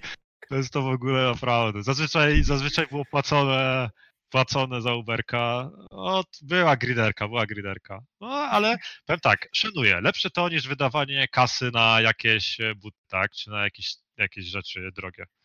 Więc ja mega szanuję Roberta i, i to nie był tylko, tylko Robert. Ogólnie taka, wiesz, gridera wjechała, ale to były naprawdę śmieszne czasy, naprawdę. Jak e, nie było, bo tam była taka lodówka, z której mógł każdy wziąć na przykład jakiś tam napój, nie, i tak dalej. Mhm. No i Robert zazwyczaj wchodził w poniedziałek, czy tam nie wiem kiedy dostawa była, bierze wszystko, znaczy wszystko, bierze jakieś tam rzeczy do pokoju, no i wiesz, później wszystko, jak ktoś coś chciał, jakieś paluszki, czy chciał, nie wiem, picie, czy coś, przychodził do Roberta i pytał się, Robert, masz coś pożyczyć? No, czasami było tak, że na przykład Robert miał takie orzeszki fajne, a tam wiadomo, no, orzeszki przemycić do takiego EPC było ciężko, tak?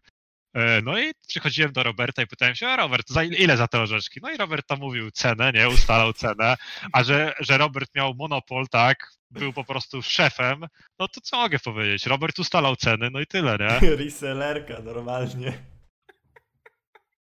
Tak było. Ale dobrze wspominasz te czasy, widzę, że... Nie, no naprawdę, Tak było zajebiście. Uważam, że to były. Ja powiedziałem, że okres Movistar był najlepszym, ale w sumie to tak pod względem takiej atmosfery i tak dalej, naprawdę to, to było mega fajne. No, takie po prostu pięciu ziomków, sześciu, w sumie nawet siedmiu z, z Hachim, yy, z Eturalem, no i jeszcze do tego jeszcze Hachiman i w ogóle no, mega zajebista atmosfera, ale jak była praca, to wszyscy podchodzili do tego poważnie i to było fajne, że jak była praca, to wszyscy podchodzili do tego poważnie. I A dlaczego o tym mówię? Bo jakby ty powiedziałeś, że głównym celem było nauczenie przede wszystkim takiego obycia, sprawienia, że będą gotowi ci zawodnicy, żeby pójść po roku za granicę. Ale z drugiej strony, no mówimy o, o tym, że to była inwestycja z twojej strony, bo ty sam powiedziałeś chwilę wcześniej, ale, ale nie dla mnie. no tak, no co będę oszukiwać. No, dla mnie to była taka inwestycja, że mogłem sobie wygrać. Mhm. Miałem lepsze oferty, w których lepiej bym wyszedł, bo mógłbym się skupić na swoich mechanikach e, i pracować nad tym, bo uważam, że nawet jeśli ludzie uważają, że jestem słaby mechanicznie, to ja nie uważam, że jestem wybitny, ale uważam, że jeśli poświęcę czas na granie Lisinem, na granie jakimiś postaciami, które wymagają mechaniki, to ja jestem w stanie zagrać dobrze. I co? No wtedy skupiałem się tylko na, na, na komunikacji. Nie byłem też najlepszy, jeśli chodzi o samą grę, bo dużo coin flipowałem, co było dużym błędem. Dopiero zacząłem, znaczy przestałem to robić pod koniec splitu. Gdybym zaczął tak jak w ESG, czy pod koniec splitu, to byłbym naprawdę dużym filarem, znaczy bardzo ważnym filarem tej drużyny. Takim, no powiedziałbym nawet, że najważniejszym filarem, gdybym był inny, gdybym e, gdybym mniej konflipował i bardziej skupił się na po prostu takiej, no po prostu nie wychylać się, po co masz komuś udowadniać, tak, coś.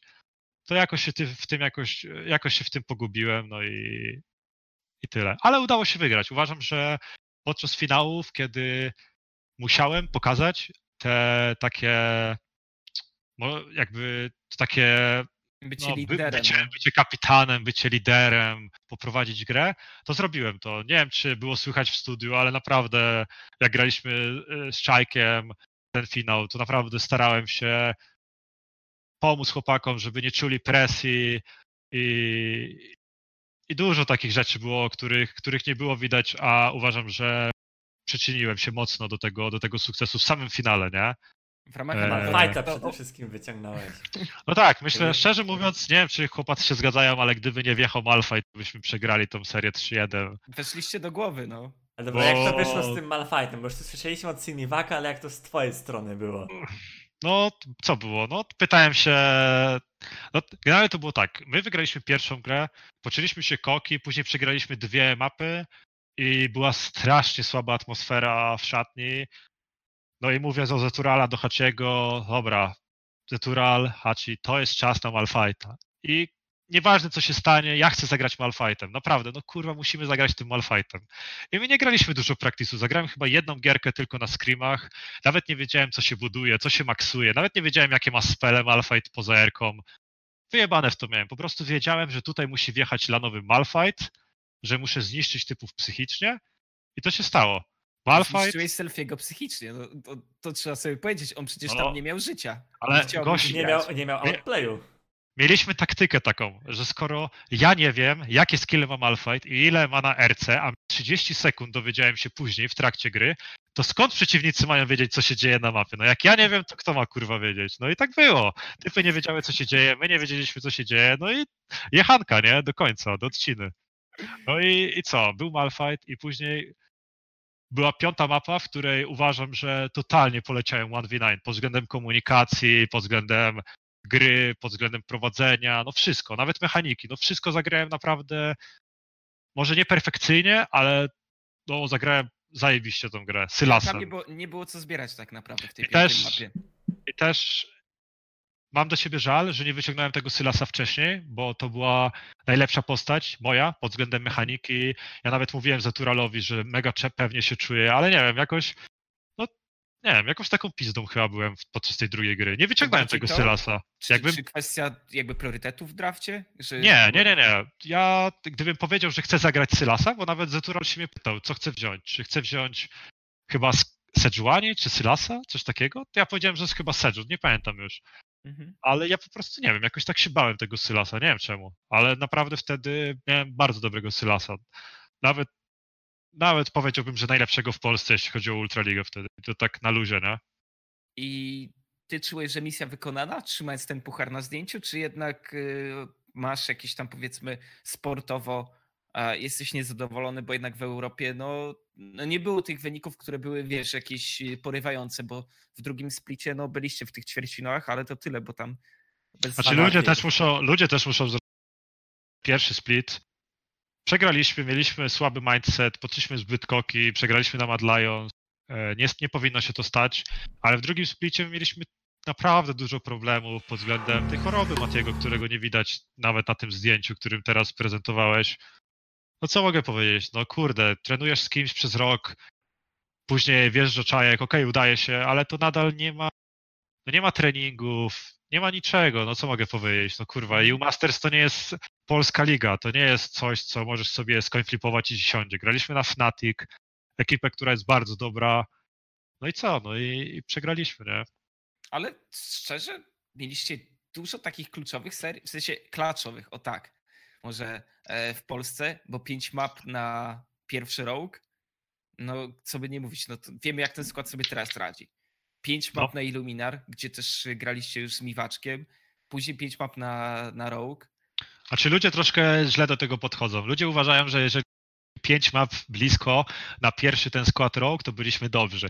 A to tak nie wyglądało, przecież my dostawaliśmy totalny oklep na mapie, dostawaliśmy oklep na liniach, pikowaliśmy outscale i tylko to nam wygrywało. Matisław leciał totalne 1v9 wtedy. Pikował Xerata i nie wiem, czy były woj- wojskomy z tej serii, ale była taka beka, naprawdę. Matisław mówił, że odpala, odpala rakietę i ich zaraz zbombarduje na, przy naszorze i w ogóle była taka beka, naprawdę, to była fi, dwa finały to były, najśmiesz, to były najśmieszniejsze serie, które grałem, naprawdę. Przez sekundę nie byłem w stanie przestać się śmiać. Cały czas była beka, nawet w studio to było słychać. Jestem, jestem przekonany, że gdyby Ultraliga dała wszystkie wojskomy, to ludzie by się złapali za głowę, co tam się działo. A już o słynnej przyśpiewce na Illuminar nie wspomnę. Oj tak, to, to, to Właśnie- się, nie, na, nie, się nie, nie nadaje się. To się nie nadaje, ale to była, była słynna przyśpiewka, że no nawet Tarołku żyliśmy i wiadomo jak skończyli chłopaczki. No, Czajek wie o co chodzi. IHG tu, IHG tam, dokładnie. Tak, No, tyle. Ale, ale to czyli była taka honorówka zawsze, co? Na Illuminar w tamtym No sezonie. była, oczywiście. W ogóle przecież Illuminar to było odwiecz, to był odwieczny mój rywal na, na scenie No i tak, każdego. tak. Więc no jasne, była, była mega honorówka. Udało się dwukrotnie. Eee, wiesz co? Jeszcze, a, jeszcze chciałem powiedzieć o tej anegdotce, bo jesteś jedynym zawodnikiem, skoro już tak wtopujemy, który w studio zapadł mi czymś w pamięć. Bo ja pamiętam, że ty jesteś gościem, który mi, musi mieć zawsze monitor na innej wysokości niż wszyscy inni. I było specjalne pudełko w studio Ultraligi dla Cinkrofa. Oni już później je okleili, żeby wiesz, nie było żadnego brandingu To-. To były takie dwa drewienka chyba, które gościu poszedł, nie wiem skąd, skąd to gadać, wziął jakieś pozwolenie chyba z lasu, poszedł wyciąć te drewna dokładnie na takie, bo ja mówię, było, było takie większe, ja mówię, nie, nie, nie, to jest za duże, ja poproszę takie. Przy, przyniósł idealny wymiar, postawiłem sobie monitorek wysoko, no bo zobacz, jak ja sobie usiądę, Elegancko. Też Ja jestem wysoki, tak? ja jestem wysoki, tylko mam jeden żal, że ja tego pudełka nie zabrałem do siebie, bo to było najlepsze pudełko. Ja pokazałbym, gdybym nie miał tutaj bałaganu. Jestem teraz na trzech książkach, jeśli chodzi o monitor, więc no szkoda, że nie wziąłem tego pudełka, serio. Książki się przydają, no. Ale dobrze, że nie zabrałeś, bo potem też tylko- skorzystałem z tego pudełka. Tylko, tylko, ty, tylko do tego w życiu się przydają. Kappa. Oczywiście. Z tyłu, jak widzicie. Z tyłu, jak widzicie, jest książka, polecam czytać wszystkim. Dobra, Kuba, a, a co było tak naprawdę po, po Ultralidze? Co, Co- było dalej? W sensie, ja, wie- ja wiem, co było dalej, bo... No co, no gówno było, powiedzmy, no gówno tak, było, no, no właśnie. no gówno, no. Mega zmotywowany po wygranym splicie, nigdy nie miałem chyba, poza początkami Lola nie miałem mocniejszej motywacji, no, no, no co mogę powiedzieć, no, zły, nie tyle co zły wybór, bo wybór był dobry, problem był w treningach, źle do tego podeszliśmy, no i też były jakieś tam problemy indywidualne, ale to nie będę mówił, szyny były złe, Ale grałeś w Illuminar. wszystko chwilę. było złe, no i tyle, nie? Ta, tam była szansa, żeby pograć dłużej w IHG? Nie, znaczy w Illuminar to ja po prostu sobie wjechałem tak na turniej, e, bo potrzebowali pomocy i tak No tak, dalej. Repson został wywalony. Znaczy- Wydalony za niefortunne znaczy- zachowanie. Mie- Mieliśmy rozmowy z Illuminar i miałem bardzo dużo ofert z Polski. Chyba cztery oferty miałem, żeby po prostu. No bo tak, z Devil's One pewnie bym miał, nie jestem pewien. E, No i miałem dodatkowo jeszcze trzy oferty, w których mogłem zbudować skład. Miałem Mhm. taką możliwość. No i co? No. Ale stwierdziłem, że to czas na, na coś innego, na wyzwania. No i podjąłem decyzję, żeby pójść do najsilniejszej ligi, do niemieckiej. Czy za 10k da się zbudować skład w Polsce na playoffy? Za 10k zł? Miesięcznie, no? A ile mi zapłacisz? No w tych 10k masz również swoją wypłatę. Bo ostatnio To robiliśmy... chyba, chyba sam Cinkrowiec tutaj grał. Nie, bo wie, szczerze, jakby robiliśmy ostatnio z Wojtkiem u mnie na streamie taką, e, wiesz, e, LOL Manager, gdzie No. zastanawialiśmy się, czy taka kwota wystarczy, żeby top 6 zrobić. Znaczy, jeżeli chodzi o same zarobki zawodników, bo ludzie nie Właśnie rozumieją, tak. że same utrzymanie za. Tak, tak, mówimy tutaj tylko o zarobkach zawodników. Nie, myślę, że myślę, że da się. No dobra, powiedzmy taki melonik, wydaje mi się, że nie ma zbyt dużych rezultatów, więc nie chodzi mi o to, że jest tanie, ale na pewno by no tam dałoby radę się dogadać. Kto by tam był? Wiesz co, może, może przyjmijmy na rzecz tej teorii, że, że ty nie grasz, po prostu, żeby tutaj, Ale to wiesz, ja, ale ja mogę za darmo pracować, nie ma problemu. Pro bono. Je, je, je- jeżeli, jeżeli, jeżeli da mi to wygranie Ultraligi, dostanie się do Leca, to ja mogę nawet przez dwa lata nie pracować, nie, prawda. No, No to tak, Melonik, Lamida. Lamida kto byłby? No powiedzmy Warsi, tak? No bo on jest Mhm. chyba jedyny teraz, który by tego. Na supporta nie mam pojęcia kto. My Trymbiego jest? braliśmy. Nie, nie wziąłem Trymbiego. No A dobra, nie, ale przepraszam, w sensie Trimby był w, ty, był, był w tym y, Dream Squad. nie, no ale Trimby by dał radę. Trimby by się dogadało, naprawdę. Mi się wydaje, żeby się tam dogadał. Zamienisz nie no. dwa koła? W ogóle co wy gadacie? W sumie 10k to jest bardzo mało. To jest 10K 2k to jest złoty dwa koła na No słowo. tak, no tak. Nie, no to to nie Ja ma chuja, ja szczerze zrobiłem mówiąc. Nie crazy. ma opcji. Zrobiłem Crazy, Busu, Zamulek i na suporcie nie wiem kto. Nie, no to z tym składem to możesz walczyć chyba o relegację. Ty gościu Nie. gadasz. Luźno to przejść. No ale tu mówiło o wygraniu Ultraligi. Nie, mówimy nie, o nie, top nie, w 6. playoffach. A. Nie. Nie, no to, to top 6 to mogę zbudować skład za, za mniej nawet kasy. Dajcie mi tyś, 10 tysięcy, zbuduję wam skład za 5 koła. No ale wygranie Ultraligi nawet nie ma takiej opcji, żeby zbudować za tyle. Nawet nie ma takiej Nie, opcji. nie, nie, nie, Kuba, mówimy... A, Nie. przepraszam, ja, ja, nie no, za wygranie, wy, okej, top 6 da się, wygranie Ultraligi potrzebujesz przynajmniej 20 koła na miesiąc. tak mi się Za wydaje. 20 koła dałbyś radę? Czekaj, No to, 20 no to też koła. nie jest taka duża 20 kwota. koła to jest 4 na głowę. No. 20 Czyli koła. 1000 Nie, euro. no, To jest 1000 nie, no, euro na do- łeb. Nie no dobra, 20 koła. Nie no, okej, 20 koła może. Może, bo wtedy wiadomo, ktoś by dostał więcej, ktoś by dostał mniej, więc może by się udało, ale tak 30 koła to myślę, że to jest coś, co da się już To, to zbudować. jest budżet, w który muszą celować najlepsze drużyny. No to jest O. taki- Ja uważam tak. Ja- już mówiłem to wcześniej przy rozmowach. 10, 10k euro i można zrobić wszystko. 10k euro. Okej. Ale to jest A- już sporo. To jest A z sporo. drugiej strony właśnie też zahaczmy o tych architektów drużyn. Hachi na to mówił y, building piece, czy, czy jak, jakby to inaczej nazwać, no tych kapitanów. Ilu takich byś wyróżnił w Polsce, których, wiesz, nagle kończysz karierę, nie wiem, zostajesz menadżerem w korpo i to korpo robi drużynę sportową w Ultralidze i ty musisz znaleźć kogoś, od kogo byś zaczynał Mm, Pakej, budowanie rosteru. pakej. Nie, nie, mówmy o zawodnikach stricte, dobra? Dobra. Yy, kurde, zawodników? Nie wiem. W sensie. e, Chodzi o to, żeby ogarniali też takie rzeczy organizacyjne, tak? I odnaleźli się Nie, w tym nie, nie, świecie. nie, nie. Chodzi o to, że to jest gościu, na którym chcesz zbudować swój mistrzowski Aha. W ten sposób, bo wspomniałeś o Hachi i myślałem, że to. No, no nie, no. Okej, Nie, że Hachi tak nazywał to. to no to ja mógłbym być taką osobą, wydaje no mi się. wiem, wiem. Dlatego, No, oprócz ciebie. oprócz no, ciebie. no. Na pewno tak, kurde, no tak. Nie mam pojęcia. W sensie, bo ja nie mam pojęcia, jak kto prowadzi w grze. Po, potrzebna jest osoba, która po prostu jakoś tam ogarnie. Kurde, kto, kto mógłby być taką osobą? Wiesz, chodzi o to, która by brała też czynny skład w doborze tych zawodników. No tak, ale to właśnie ja, ja patrzę to pod Selfie. takim. Ale ja patrzę to pod takim kątem, że ta osoba byłaby w stanie poprowadzić tą drużynę Defres. Do wygrania pod względem też komunikacyjnym i tak dalej. Nie zgadzam się z selfie. Miał okazję, nie wygrał. Mia, miał okazję, miał zawodników, z Miał których okazję, to prawda. zrobić i co? Nie wiem. No powiedziałbym Kikis jeszcze nie, nie, nie, niedawno, ale zmieniło się to. Mhm. Nie mam pojęcia.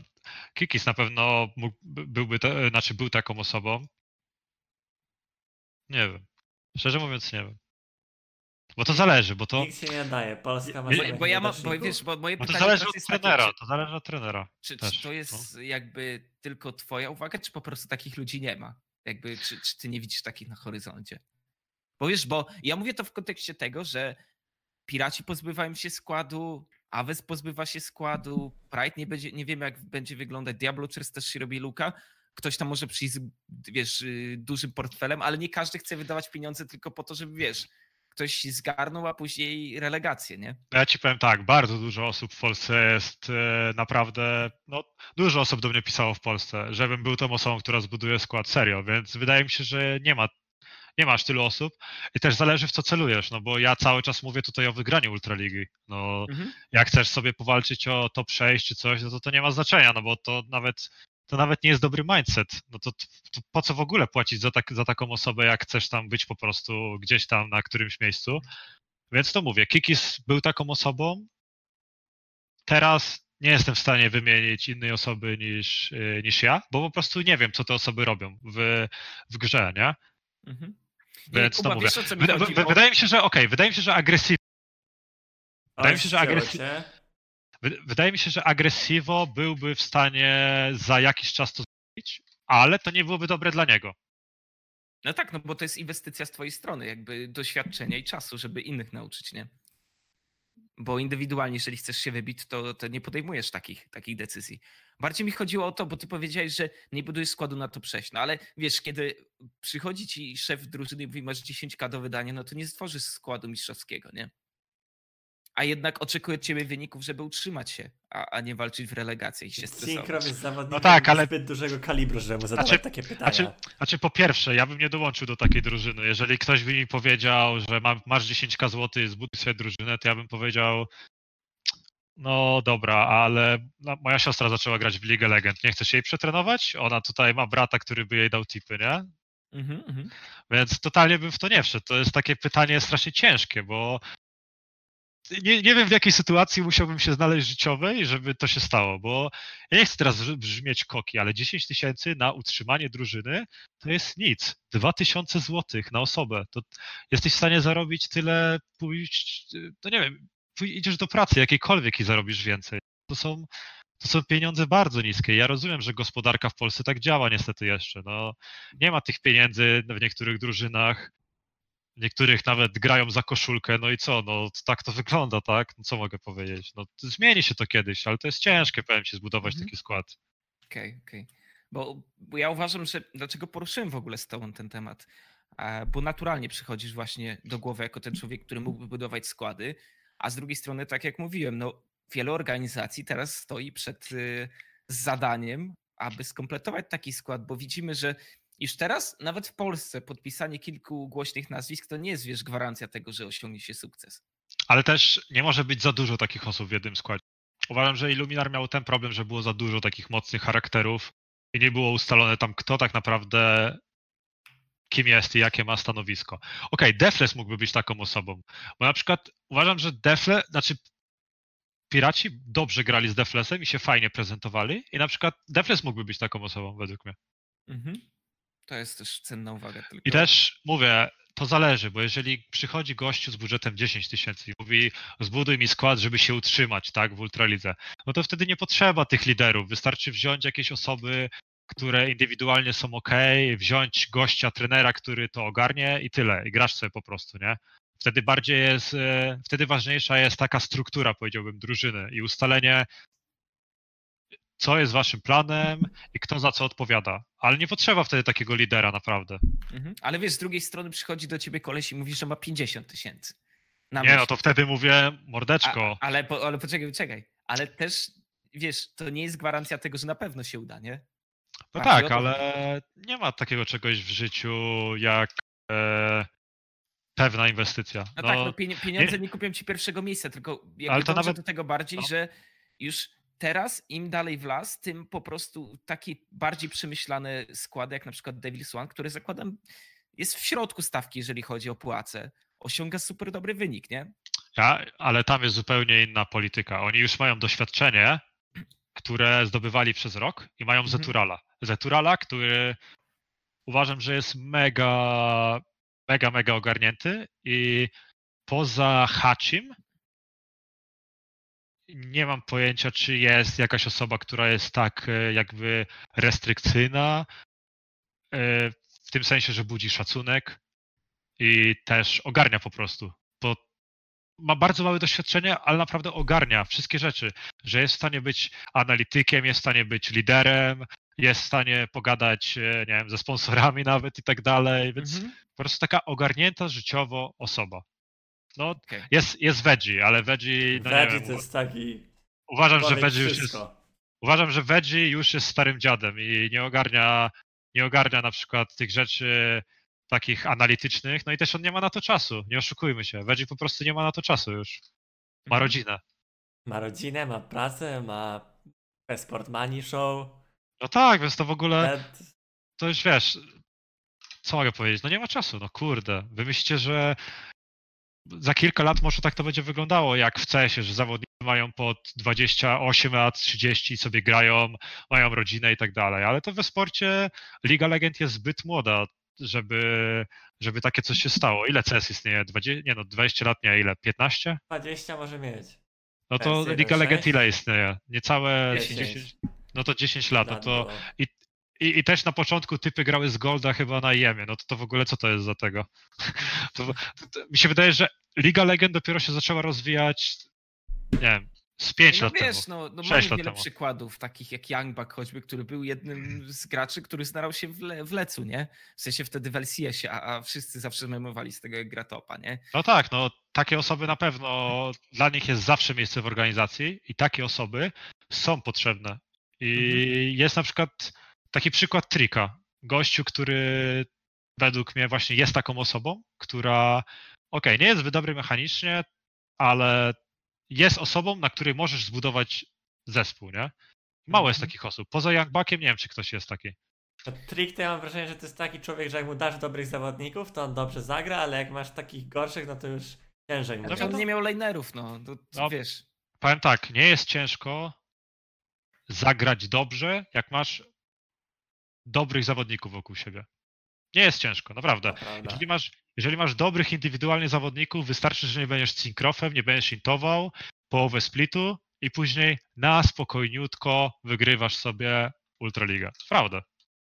Mhm. E, a wiesz, kto mi jeszcze przychodzi do głowy? Mm, I się zastanawiam, czy ktoś go ściągnąłby do Polski, mając te słynne 50k na miesiąc. Co myślisz o Menkiu? Bo na, na pewno ten, ten y, człowiek się zmienił. Znaczy, ja uważam, że BenQ jest bardzo dobrym jakby analistą i Mhm. jest mega smart, jeśli chodzi o takie rzeczy, wiesz, e, stricte z analizowaniem i z tym, jak drużyna powinna grać, ale no nie jest takim, wiesz, liderem typu Youngbuck, czy Hachi, czy, czy Zatural, nie? I to. Wiesz, to, to nie chodzi o to, czy to jest złe, czy to jest dobre, bo ludzie nie rozumieją tego, że nie da się być dobrym we wszystkim. Trzeba, trzeba znać po prostu swoje plusy, minusy. Masz przykład na przykład, no, masz przykład na przykład, e, masło myślane, masz przykład takiego Peter Dana ze, ze Splice, teraz Mad Tak, Lions. tak. Gościu totalnie nie ogarnia, jak być head coachem, ale jest najlepszym analistą, z którym miałem okazję współpracować. Po prostu... On nigdy się nie stawia na tym piedestale, że chce wyjść na scenę, chce draftować, Dokładnie, dokładnie. ale, ale cały czas dbał te wszystkie składy i widać, że kiedy rozdzielił się z Duke'iem, to nagle Vitality nie, za, nie ogarnia już tak mocno. Doku- dokładnie i właśnie o to chodzi, że ludzie mają złe pojęcie. Jest bardzo dużo nawet menadżerów w, w piłce nożnej, którzy nie zajmują się, oni nawet nie mają pojęcia, jak grać w tą piłkę. Znaczy, okej, mają pojęcie, ale nie mają takiej jakiejś super wiedzy. Oni po prostu wiedzą, jak zarządzać zespołem i wiedzą, jak rozgraniczyć pracę pomiędzy danych trenerów. Jest trener od piłkarzy, jest trener od tego, od tego, od tego i on ma w dupie to, czy on ma wiedzę, czy nie. On zatrudnia os- osoby, które które po prostu ogarniają i, i tyle, nie? On po prostu spina wszystko. Mhm, mhm. I takie osoby jak Hachi uważam, że zawsze pracę w tym środowisku i nawet po jego karierze trenerskiej totalnie uważam, że będzie w stanie postawić organizację na nogi i ogarnąć takie rzeczy, nie? Mhm. I wiesz co, zastanawiam się, czy Devil's One trochę nie przetarło szlaków na zasadzie a budowania po prostu składów, które mają swoją kontynuację, budowania też osób, wokół których można to robić, bo czekajcie. Okej, skonfundowany byłem, bo zobaczyłem, że na czacie się dzieje dużo. E, no właśnie, czy, czy to nie jest droga obecnie, żeby mieć jakieś silne persony w organizacjach i jakoś tam powiedzmy utożsamiać te drużyny z tymi A- gośćmi? Zdecydowanie. No, chyba w Wiśle Płoc był taki trener, który widziałem, że ma jakiś charakter i ma. Dachowski był. No, wydaje mi się, że ten gość na przykład ma predyspozycję do tego, Dachowski żeby... zawsze był taki człowiek z wojska, co tam wiesz, Tylko- spóźniłeś się tak, minutę tak. na screama i on od razu już tam... No i, i to jest zajebiście. Takich osób, takich osób brakuje, bo chłopaczki, które mają 16-17 lat, myślą, że są jakimiś bogami świata. Tych typów trzeba Prawda. przycisnąć i trzeba postawić im rygor, bo wtedy będą wiedzieli, co to jest 5, nie? No i, i Devil's One bardzo fajnie się zachowała, ale też wydaje mi się, że Devil's One miało bardzo świadomych założycieli. O, jakby Sawik, Maciek, uważam, że Maciek Sawicki naprawdę to była osoba, która wybrała bardzo dobre osoby, czy do działu a, nie wiem, biznes, czy do właśnie e, sztabu trenerskiego.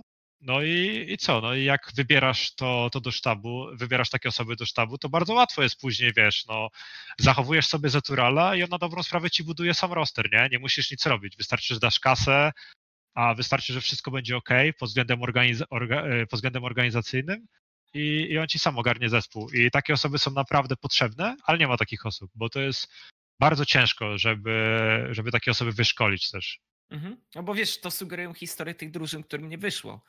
Jakby Piraci, Illuminar, no wiesz, tam nie brakowało pieniędzy na, na, wiesz, na określonych zawodników, ale ten wynik nie satysfakcjonuje ani jednych, ani drugich, nie? No tak, chociaż czekaj, Delort jest taką osobą, zapomniałem, w sumie Delort mógł, która zbuduje ci taki zespół, no. Wiesz co, Delort bardzo był propsowany przez Pukiego. Puki Nie, w wywiadzie z Sucharem mówił, że no on się bał, że on będzie streamował, wiesz, i tak dalej, ale, ale bardzo pozytywnie się o nim wypowiadał. Nie, uważam, że Delort e, jest taki dojrzały, bo to, to przede wszystkim chodzi o taką dojrzałość emocjonalną i takie po Taki prostu... Człowiek co ogarnia. Taki człowiek, Naprawdę. który ogarnia życie, który jak idzie do urzędu, to wie, jak to załatwić, a nie, że pyta się mamy, czy tam kogoś, jak to ogarnąć. Brakuje ja też takich uważam, osób, że tak. dla niego największym testem było to właśnie wejść w środowisko graczy, którzy jeszcze chwilę temu byli jego kumplami z drużyny i sobie poradził. Bo czasami tak. ciężko jest znaleźć wspólny język, nie? Z takimi. No, myślę, że niektórzy popłynęli. Niektórzy uważam, że trenerzy w polskiej lidze za bardzo dali sobie. I, Generalnie. Cię. i, I no wiadomo, gracze to są gracze, trener powinien być wyżej pod względem szacunku. Pod względem wiedzy nigdy nie będzie wyżej, ale pod względem szacunku musi być wyżej. Jeżeli nie jest wyżej, to, to nie jest trenerem i jest I uważasz, useless że i można go zwolnić. Podjął złą decyzję? Nie, ja nie mówię o Flashu. Ja nie mówię, ja nie mówię, ja nie mówię.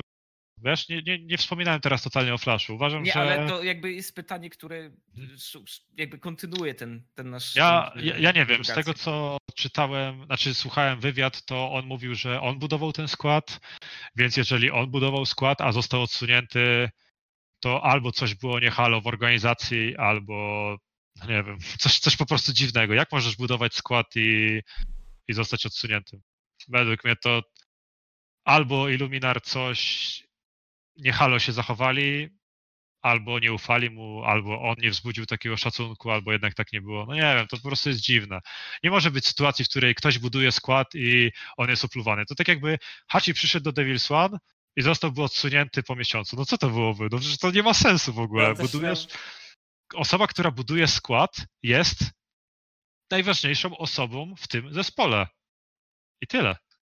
No, tam miał też dziwną sytuację, no wiesz, Flash to jednak taki trochę też chłopaczek, a Ale to, ale to w takim razie niech się nie wypowiada, albo niech nie mówi, że on buduje ten skład. Wtedy po prostu mówisz, e, tak jak. Ja w ogóle ja nie ogarniam. Dla mnie to jest w ogóle jakiś mętlik, co tam. Znaczy, dla mnie to jest w ogóle bullshit, co tam się stało. No bo jak może ktoś pisać, że on się uczy i że będzie się uczył, po czym e, on podobno budował ten skład, później nagle on e, robił jakieś rzeczy, które źle wpływały na zespół, no to jak coś źle wpływało na zespół, no to mówisz mu Flash, zamknij mordę. Ty się tutaj uczysz i on wtedy zamyka się. I wiesz Więc co, to ja mam jest wrażenie, dziwne. że najbardziej go skrzywdzili tym, że postawili mu To to head coach przy, przy, że tak powiem. Tak, no według mnie to w ogóle to, jak zostało to ogłoszone, że jakiś tam, nie wiem, Jotosza pisał na Twitterze zamiast wydać jakiś oficjalny komunikat, to jest jakiś żart, ale uważam, że po tym rezultacie, to co się stało ostatnio w Illuminar, to w sumie oni wyszli na taki, wiesz, na, Wiedział na pośmiewisko. statek. jakby tak No, naprawdę Uważam, że gdyby on powiedział, gdyby on w momencie, kiedy został odsunięty, powiedział ja odchodzę z tej drużyny, nie chcę wypłaty, odsuwam się, to co zrobiliście nie było profesjonalne, to on by wtedy mógł, on by teraz mógł szydzić i wy, wyszedłby zajebiście. Mhm. Z racji tego, że nadal chyba jest pod kontraktem z Illuminar, no wygląda to inaczej, ale no mówię, wiecie o co chodzi. No, naprawdę chyba w ogóle nie było żadnego oficjalnego statementu ich Illuminar odnośnie Flasha. no to, jest, to jest smutne, ale myślę, że na polskiej scenie nie jesteś w stanie stracić jej wartości na zagranicznym, bo nadal nikt nie nie interesuje się polskim e-sportem. no, no, no.